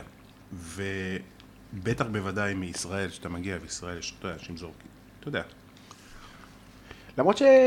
שוב, יחסית למקומות שאני הייתי, ישראל סבירה. עפולה לא, לא. נקייה רצח, נגיד. לא, לא, לא. אני לא, העניין הוא לא ישראל, העניין הוא שגרמניה נקייה. אוקיי, ואז אתה מגיע ליפן, ו- ופתאום גרמניה נראית לך כמו... הבנתי. כאילו גם בדרך חזרה, בעצם הבנתי את זה. כי בדרך חזרה גם היה לנו זמן, והיינו במינכן, ואתה פתאום קולט שמינכן נראית לך כמו מטונפת. כי היפנים סופר נקיים, הם לא אוכלים ברחוב, אין אה, ספסלים ממה שאני זוכר, אה, לא חוטפים אוכל, כאילו זאת כזה. אין, אתה לא אוכל סנדוויץ' ברחוב, או זה לא קורה. ויש מיליון מסעדות, מיליון. והכל מאוד מאוד מאוד, כאילו, אתה יודע, אפשר להגיד שכל חברה היא טקסית, כן? לכל חברה יש את הטקסים שלה, אבל התחושה היא שהכל נעשה באופן מופתי ומסודר, ויש המון סוגים של אוכל, ואז כאילו, אוקיי, בסדר, סושי וכולי, ראמן, אוקיי, זה אתה מכיר, אבל יש לך מלא תבשילים. ש... נגיד יש מסורת של אוכל של אוכל פנים, כאילו של מעיים וכאלה, בתבשילים כאלה. אה, יש לך... אתה יודע את זה ברמת המ... איפה בצפון, איפה בזה, או למה? בדקת למה? כאילו? זה גדול עליי, זה היה אה, פשוט תרבות של כל כך זרה, שכאילו היינו שם חודש. ועדיין, אתה יודע, כאילו... כן. זה, זה כל כך הרבה מידע להפנים וכל כך הרבה... אה, היינו ב... רק באי המרכזי, כאילו, אני לא, לא זוכר כלום, אבל היינו כאילו, הכי, הכי דרומית שהגענו, אני חושב שזה ירושימה. שמה זה, טיול תיירות כזה, ירושימה זה כזה בעקבות ההפצצה וזה? ירושימה הרגיש כאילו היא נתקעה בשנות ה-90, חדרה על סטרואידים. אוקיי. אה, אתה רואה שהמדינה במצוקה כלכלית, שהשיא שלה, מאח... כאילו, היא, היא כבר, היא... היה לה פיק לפני איזה 20 שנה או 30 שנה, ואתה רואה, כאילו שנות ה-80-90 כנראה היו חזקות, ואתה רואה את הפריפריה. אז, אז כן, יש את הירושימה וזה, אבל אתה יודע, טיילנו פשוט. אה, אתה יודע, כל מיני שימושים בתה שלא הבנתי, שלא הכרתי. בצמח בתה, כן? או בווסאבי, או, או, או בביצים, או בדגים, אה, או בבשר, כן. באופנים פשוט לא... טכניקות שלא הכרתי. ניסית דברים אה, מטורפים? דולפינים? אה, אה, לא יודע אם דולפין, אבל כן, ש- דברים שכאילו לא, אה, כן, כרישים או דברים כאלה, אבל זה, חוץ, אם אתה לא יודע, זה לא, אתה מבין, גם האוכל הוא מאוד, הוא לא רו. כן. האוכל שלהם כאילו מאוד, בסדר, למרות- עוד פעם, סושי וזה, אבל מעבר לזה, הסושי מעולה גם, אבל מעבר לזה, כמעט לא אכלנו סושי, כן? אבל מעבר לזה, כאילו, האוכל הוא מאוד תבשילי. כן. וכמובן, יש המון אוכל שהוא מהים, כי בכל זאת, הם איים. נכון. היה לי קטע מצחיק עם יפנים, מצחיק. היה לי קטע עם יפנים פעם, שהיינו איתם בטיול בג'יפים של יומיים, עם שלושה חבר'ה מיפן. קודם כל, אתה יודע, והם כאילו מטיילים בהודו, בלדק וזה, קודם כל חייזרים. עכשיו, חייזרים בקטע שהם אה, מאוד רחוק מגינונים, עכשיו הייתי, אתה יודע, עם, עם אנגליה, זה לא שהיינו חבר'ה ישראלים ולא מבינים את זה. וניסיתי לעשות סמולטוק, ואמרתי להם, ראינו סרט על, ה... על מה שאתם עושים לדולפינים. ב- בוא'נה, איזה 450 דולפינים ביום אתם הורגים, למה? הם נעלבו. והוא מסתכל עליי, אתה ממדינת ישראל, אתה מעז להגיד לי על מה שאנחנו עושים? תשמע, הייתי בהלם. עכשיו, יכול להיות ששאלתי בטון לא נכון.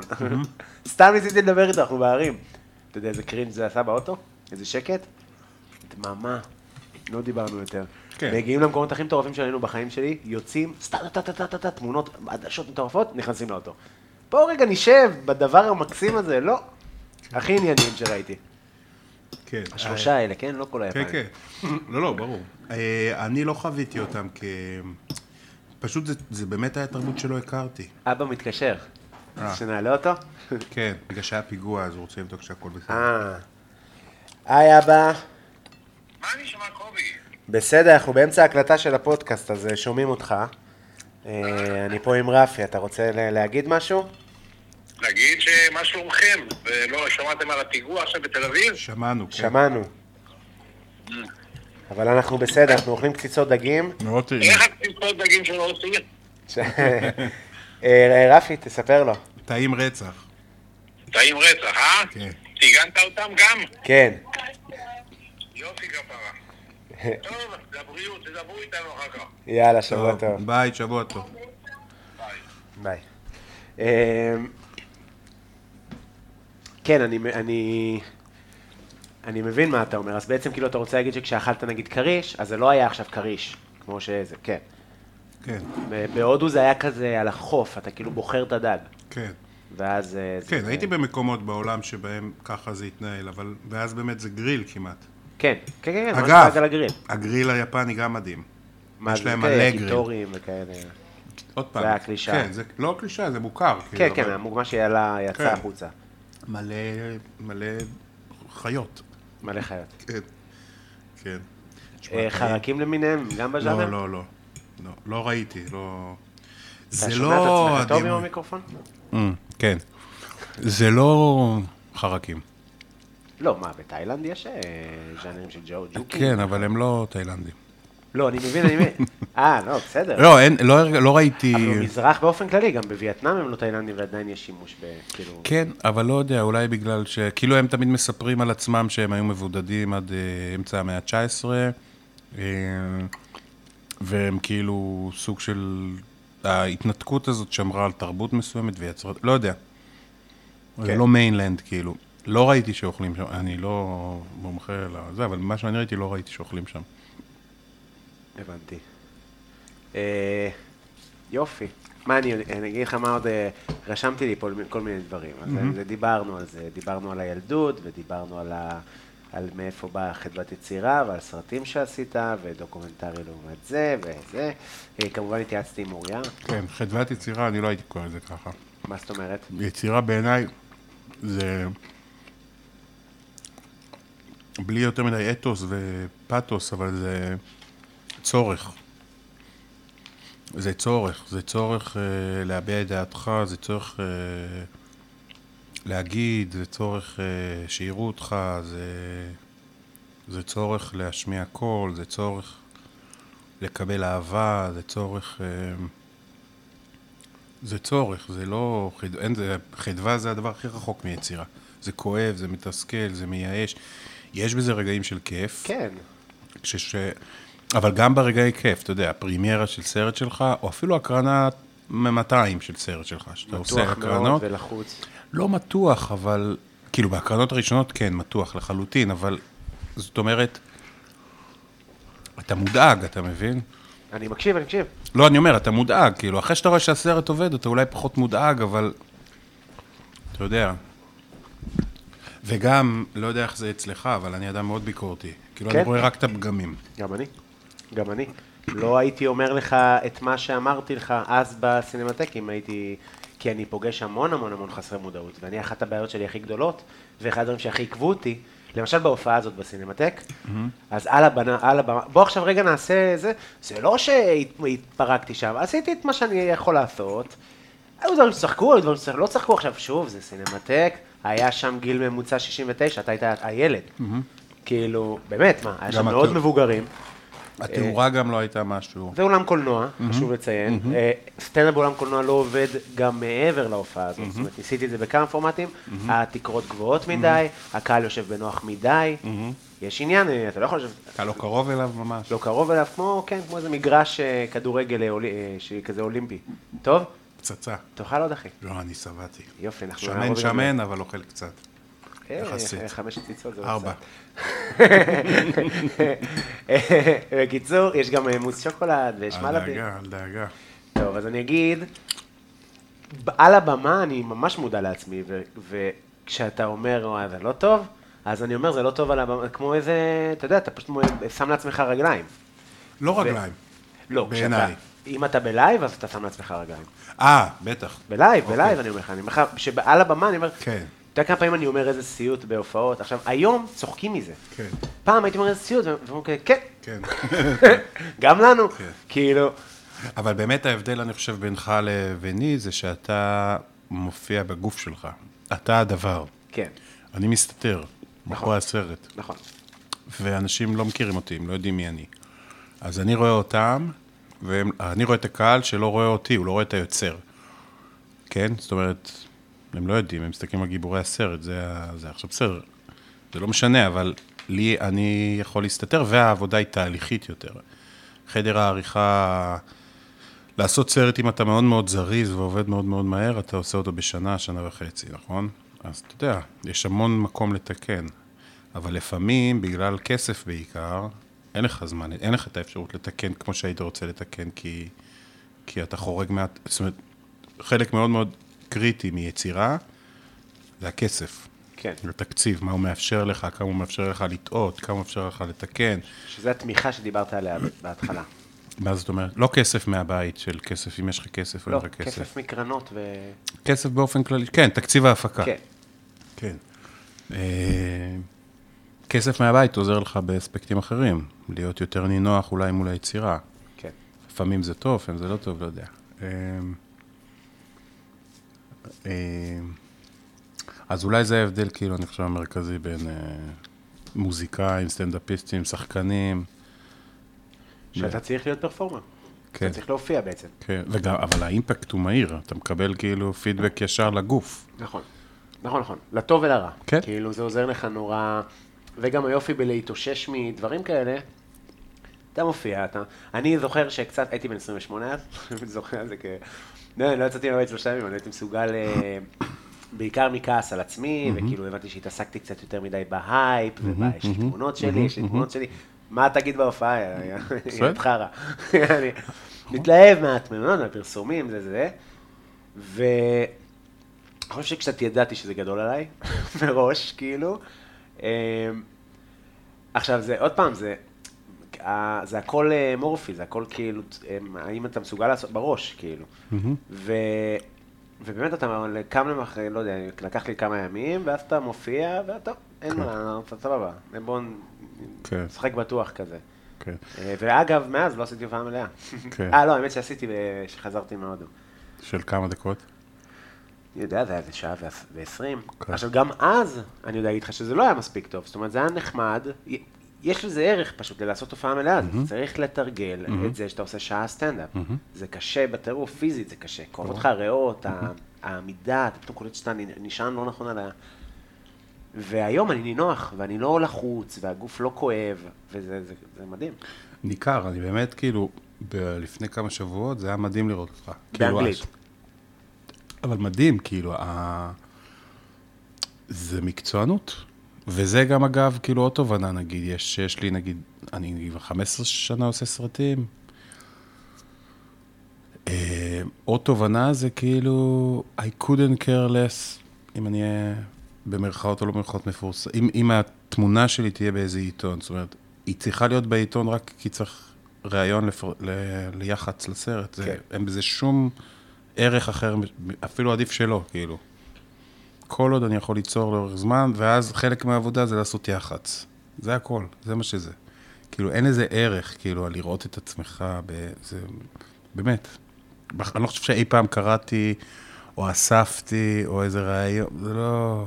זה- כאילו, זה לא בשבילי, אתה מבין? כן. זה עבודה. אז כאילו, בגלל זה אני מבין, כאילו, באמת, אתה יודע, אתה הולך בתל אביב, רואה פוסטר שלך, יכול להיות שזה באמת עושה איזה משהו, אז מבלבל, מבלבל.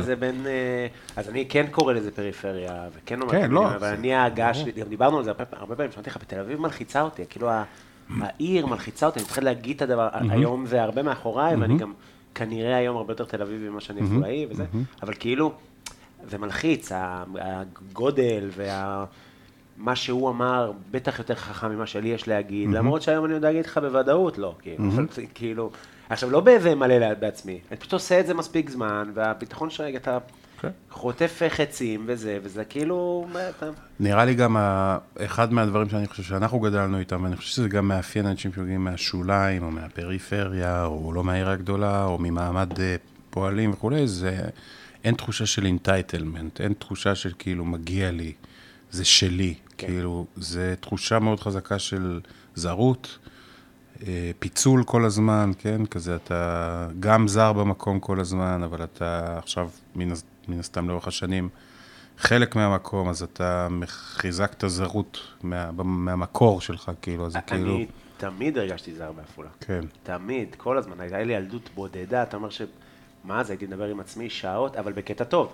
זה היה או לדבר עם עצמי, או להיות עם החיה, אז אני מעדיף לדבר עם עצמי אלף פעם. עם גם מי? היום. איזה חיה, אני יודע שהרביץ לי. אה, אוקיי. מישהו בגיל, כאילו, לקח לי זמן למצוא חברים, כן. שאני יודע להגיד לך גם היום שהם מדהיני נפש. זה כן. דניאל, או אור, כן, כאילו כן. זה, או מתן, או רון, אני כולם. רואה את אה, שמעון, וזה מה זה מדאיג אותי.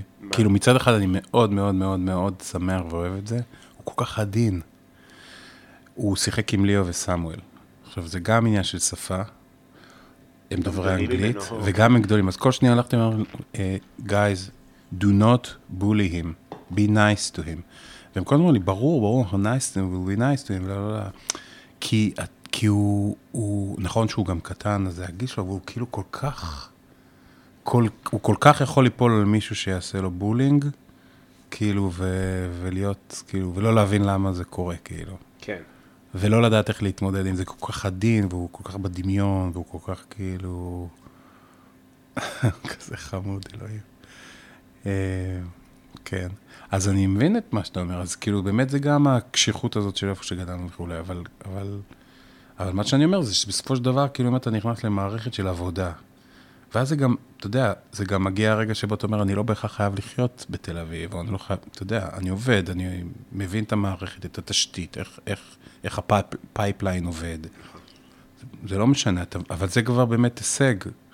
ופריבילגיה. אתה חייב לתקוע יסודות חבל כבר, הזמן. כבר יש יסודות, אתה כבר בעצם לא, מה שנקרא, emerging, אתה כבר established, נכון. כאילו, אז, אז אתה שם, כאילו, אז זה לא משנה איפה אתה גר או מה אתה עושה, כי אתה...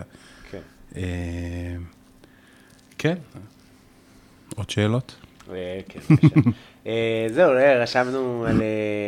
מה דעתך על היצירה הישראלית היום בקולנוע? אתה, אה, מותר להגיד את זה? שאתה כן. יושב בפאנל של, איך זה נקרא? אני יושב ראש של ועדת הקולנוע במפעל הפיס, של מועצת התרבות של מפעל הפיס. הגזבר. לא הגזבר, יושב, זה ועדה אומנותית. אני לא, אנחנו מחלקים כסף, אבל אני על הצד האומנותי, ביחד עם עוד קבוצה של קולנועניות וקולנוענים, ועם, גם אנחנו מביאים יועצים חיצוניים אה, בכל פעם שזה. בגדול אפשר לומר שרוב הסרטים, כמעט כל הסרטים הישראלים עוברים דרכנו לתמיכה, אז אני רואה הרבה אה, קאטים מתקדמים. זה, אנחנו תומכים במשהו שנקרא post production. אוקיי. שזה החלק האחרון של הסרט, אה, שזה... זאת אומרת, הסרטים שמגיעים אלינו הם כבר כמעט גמורים, ולפעמים אפילו גמורים, אבל הם עוד לא יצאו לקהל הרחב, אם זה לפסטיבלים או תיאטריקל, כאילו לבתי קולנוע או לטלוויזיה. אה, אז יש דברים מאוד, ה- היצירה הישראלית מתוחכמת, אה, היא דלת משאבים וזה הולך ונהיה יותר גרוע. ו... כן, והניסיונות עכשיו לרפורמה שקרעי לא, כנראה שלא לא יטיבו עם זה, הם, עם- עם הכסף? כן, למה? כי הם, אה, בעצם היצירה הישראלית נתמכת על ידי כספי מדינה, על ידי רגולציה, על ידי חקיקה ותקנות. זאת אומרת, כדי שסרט ישראלי יתרחש, התקציבים לא גבוהים, אבל הם, כדי שסרט, הוא צריך גוף שידור, אה, קשת, רשת, שלא לא עומדים, כאילו, לא, לא עומדים כל כך במחויבויות שלהם, וכמובן אה, יס והוט שעומדים בהתחייבויות שלהם. אה, ויש לך שחקנים חדשים, שזה בעצם, הם שייכים לגופים הגדולים, אבל הם כאילו עומדים בפני עצמם, ויש להם הגנות מסוימות, זה נקרא הגנות ינוקה וכולי, אני לא אכנס לזה עכשיו, אבל בגדול, כל מה שאתה קורא לו, סלקום, כל מה שהוא סטרימינג טבעי, סלקום, פרטנר,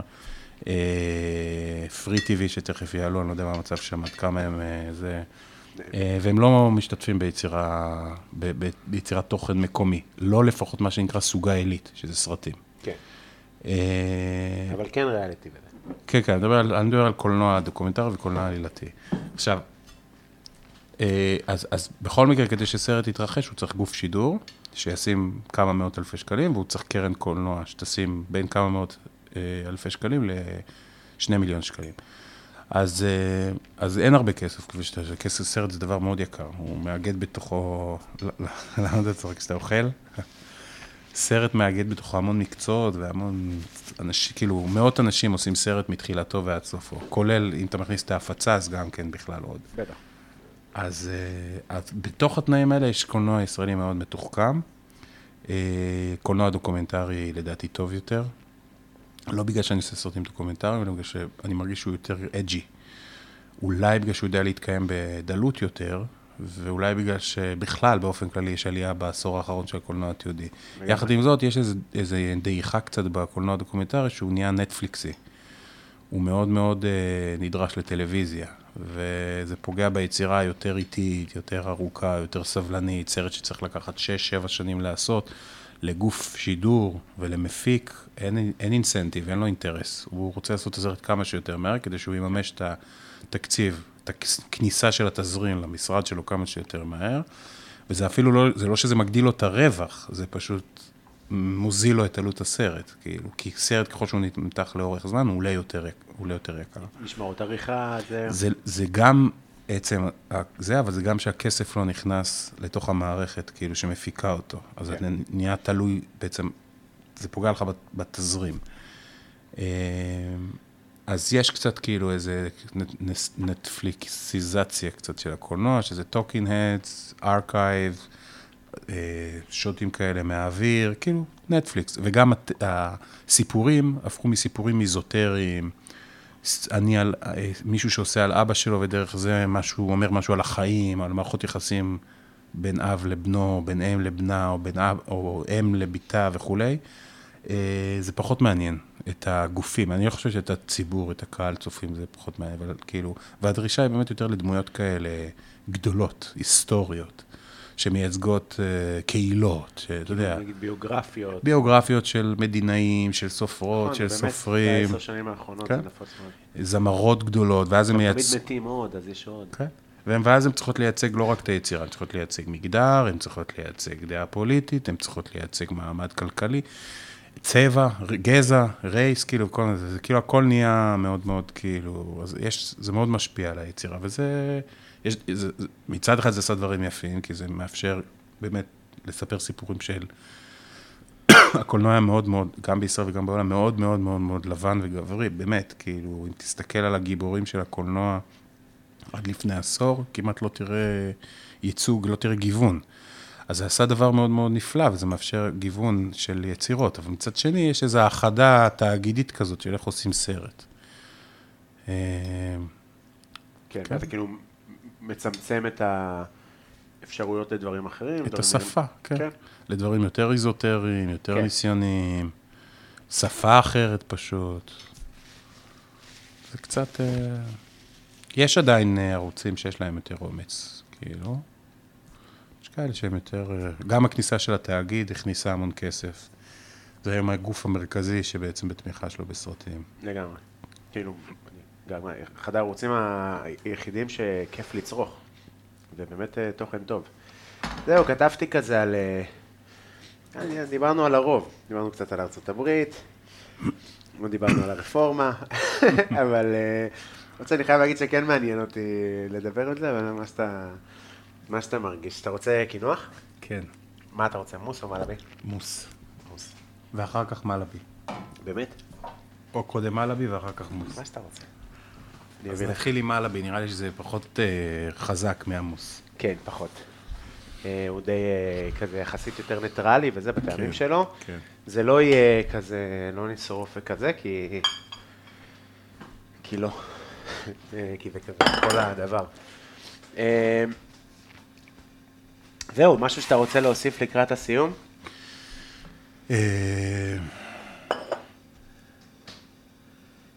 לא ממש. נהנית? כן, עוד פעם, אני כאילו מרגיש שאין לי הרבה מה להגיד. אני יכול לדבר הרבה, אבל זה לא דבר, כאילו זה... כי מה אתה מרגיש? אתה משעמם? משעמם, אה, חוזר על עצמי, אתה... אוכל את הראש, כי אמרו לך את זה בחיים? הרבה פעמים, כן. מי אמר לך? כל מיני אנשים. שאתה חפרן? כן, קיבלת נאצות פעם בפייסבוק על מה שאתה כותב? המון פעמים. אה, היום פחות, כי אני לא כל כך...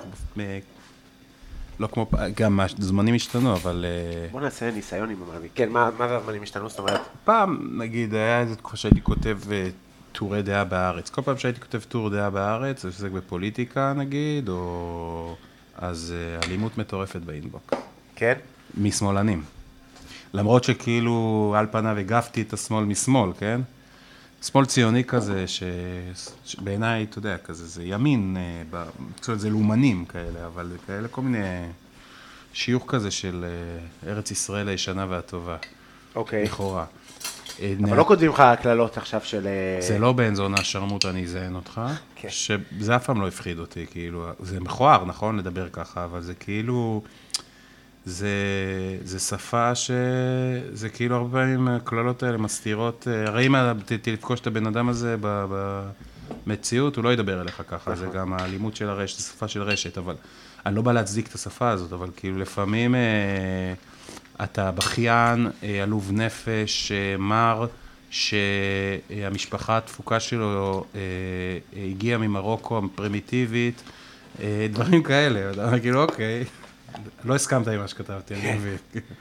אתה יודע, זה קיצוני, כן? זה אלים מאוד. אה, זה מצחיק, כי... או כאלה שמנסים אה, להסביר לך למה אה, אתה טועה, ואז כאילו בגזענות כזאת, כאילו, על, צריך להבין שבמרוקו הם היו פרימיטיביים, וכאילו, ואפס ידיעה, אתה יודע, או עניים, או פועלים, או בפריפריה, אתה יודע, כאילו, אנשים, אה, הבעיה, ש- לא יודע, כל מיני אלמנטים כאלה, שכאילו, למה מרמת השרון הולכים ל...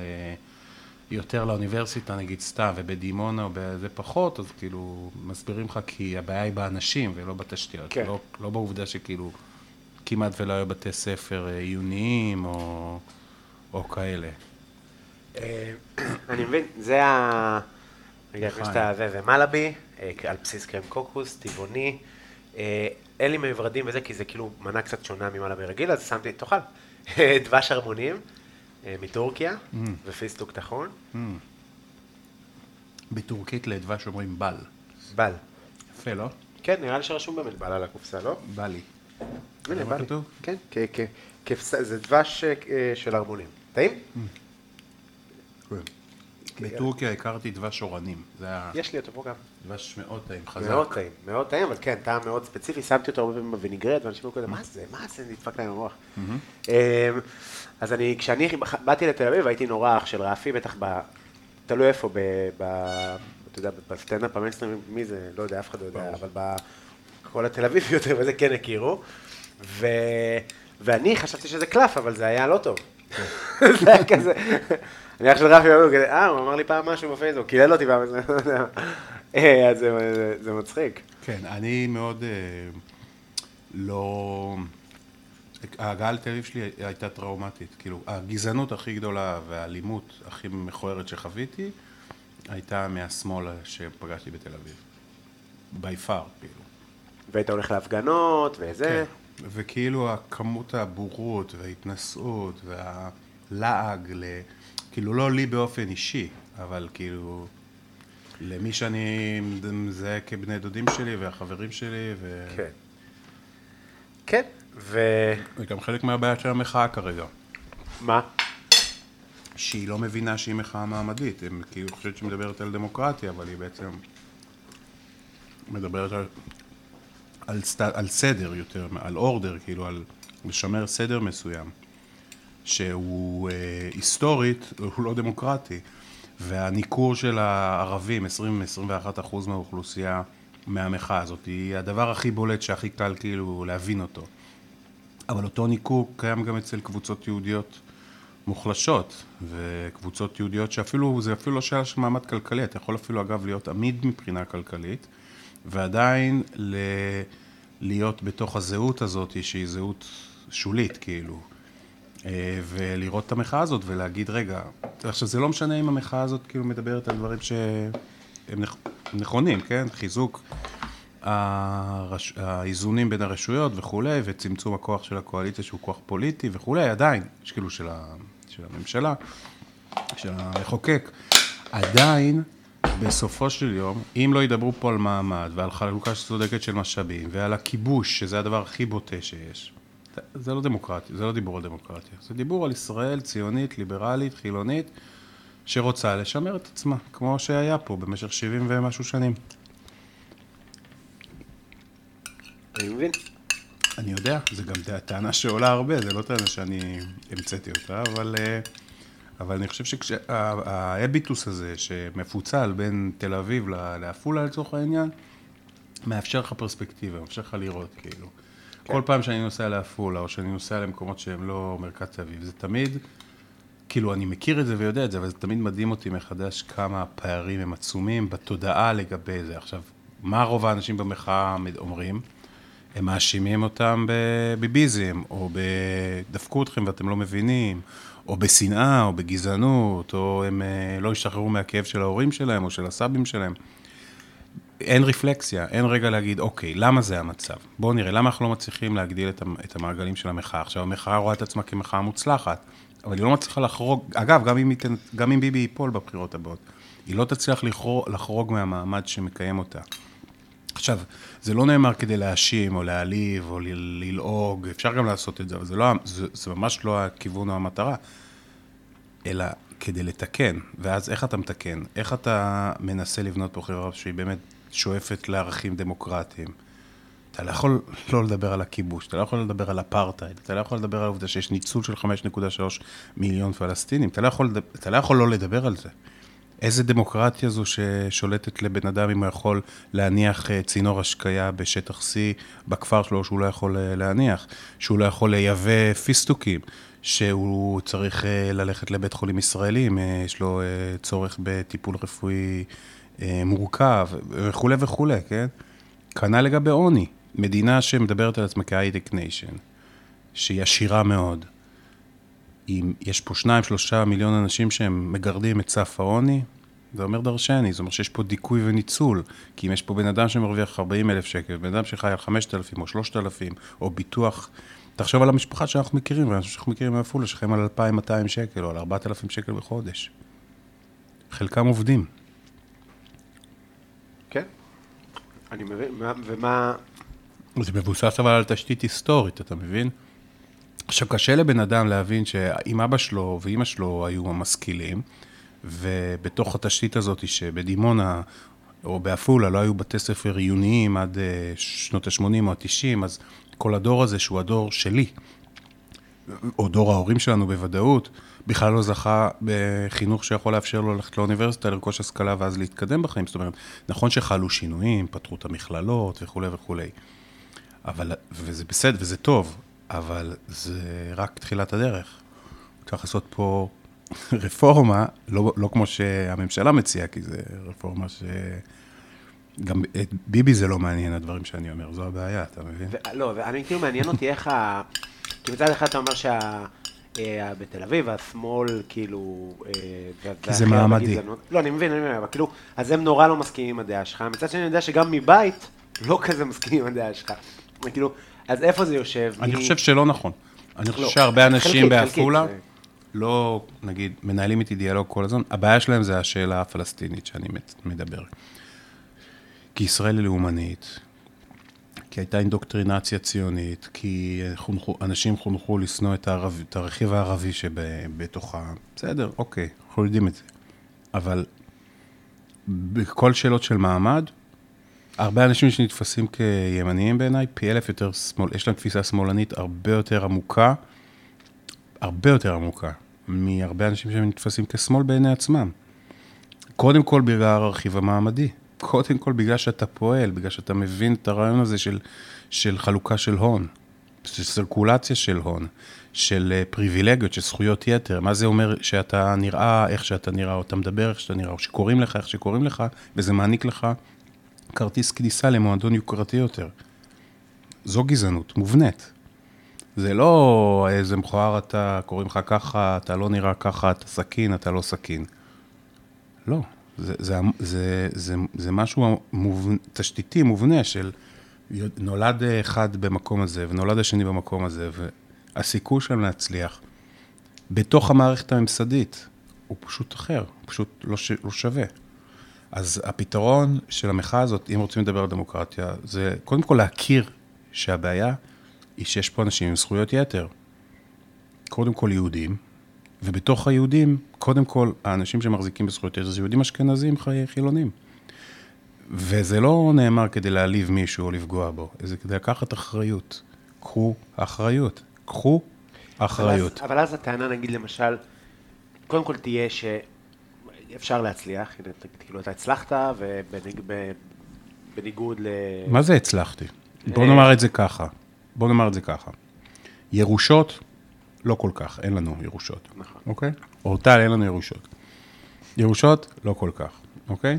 זאת אומרת, היכולת להחזיק בית, למשל, לרכוש דירה, או, או, או, או אם החינוך הציבורי שחק בישראל, אז החינוך של הילדים שלי הוא... זאת אומרת, אני לא אוכל לשלוח אותם לחינוך פרטי יקר, כן? זאת אומרת, יש פה איזה תהליכים כזה של הפרטה מאוד חזקים. שהימין עשה את זה, זאת אומרת שביבי עשה את זה, כן? אבל צריך לדבר על זה, כאילו, השמאל לא יכול לדבר על ביבי רק כעל מושחת, מושחתיהו, דיקטטור, מבלי לדבר על הרווח שהמעמד הזה בדיוק עשה משלטון הימין. ביבי הוא טוב לאלה ששונאים אותו. כן. הוא לא טוב, ל... בלי שמות, לאנשים שאנחנו מכירים, הוא לא טוב. הוא לא טוב לאנשים שחיים בדיור ציבורי, הוא לא טוב לאנשים שמרוויחים משכורות נמוכות, הוא לא טוב לאנשים שצריכים שירותים ציבוריים חזקים ויציבים, שזה אגב כל הישראלים, אבל בייחוד אנשים שאין להם כסף. שצריכים, כן.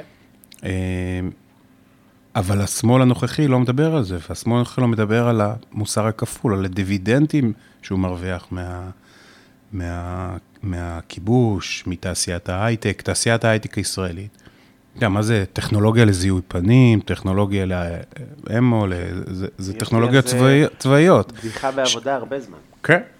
שזה טכנולוגיות צבאיות שחלחלו מה, משדה, ה- מהמעבדה של הכיבוש לתוך השדה האזרחי, ומשם כאילו ל- לאקזיטים של, של אה, מיליונים, וזה קשור גם באופן הזה שבו הצבא מכשיר פה, אתה יודע, מה זה הטייסים האלה שמדברים עליהם, כן?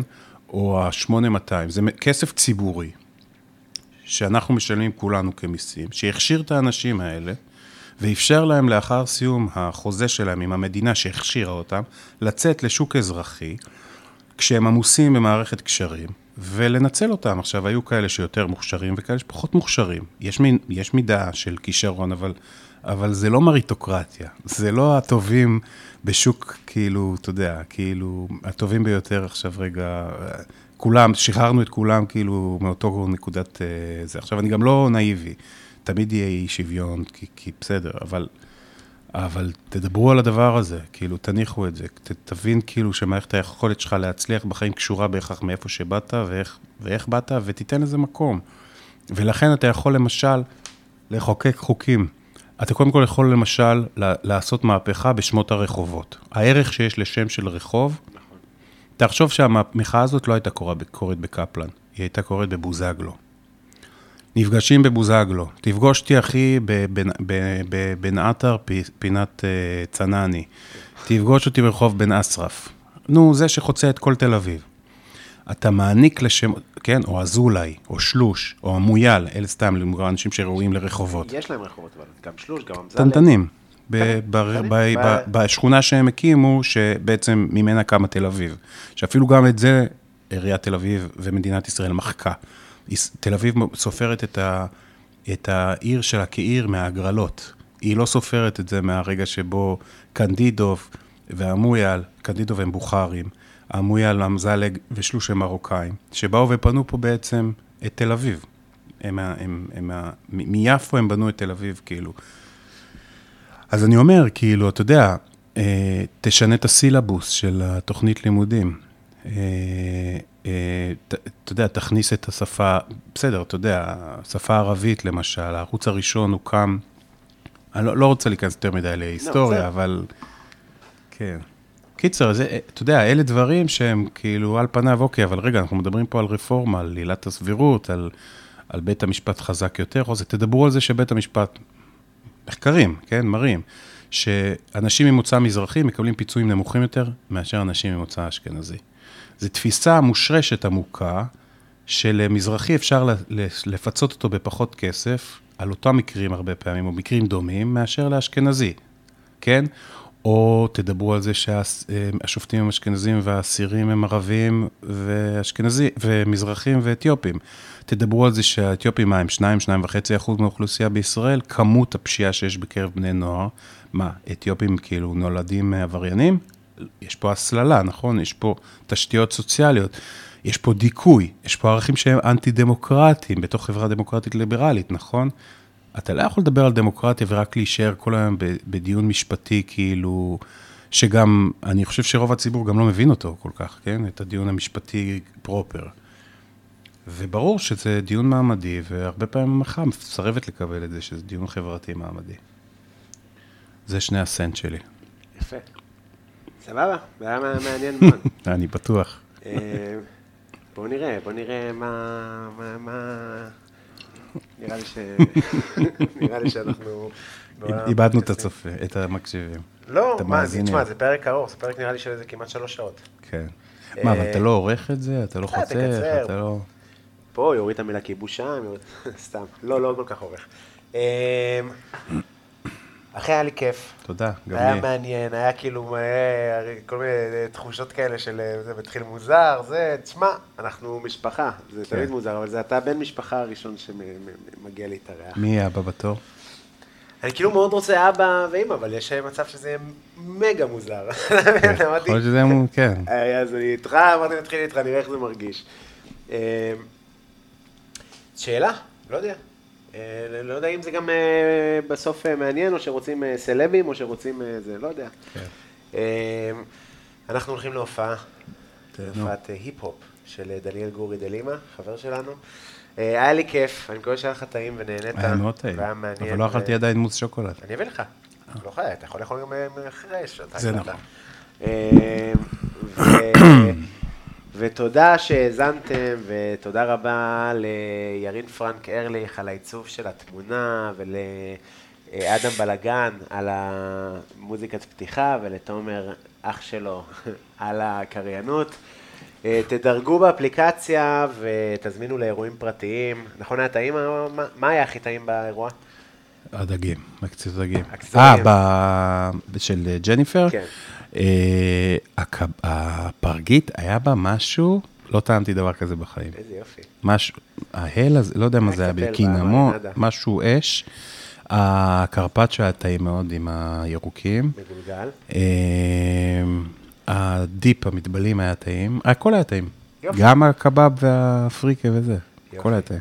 אה, יאללה, אז הנה, שמעתם, תזמינו לאירועים פרטיים, ותודה רבה ונתראה. בטן מלאה עם קובי בלולו.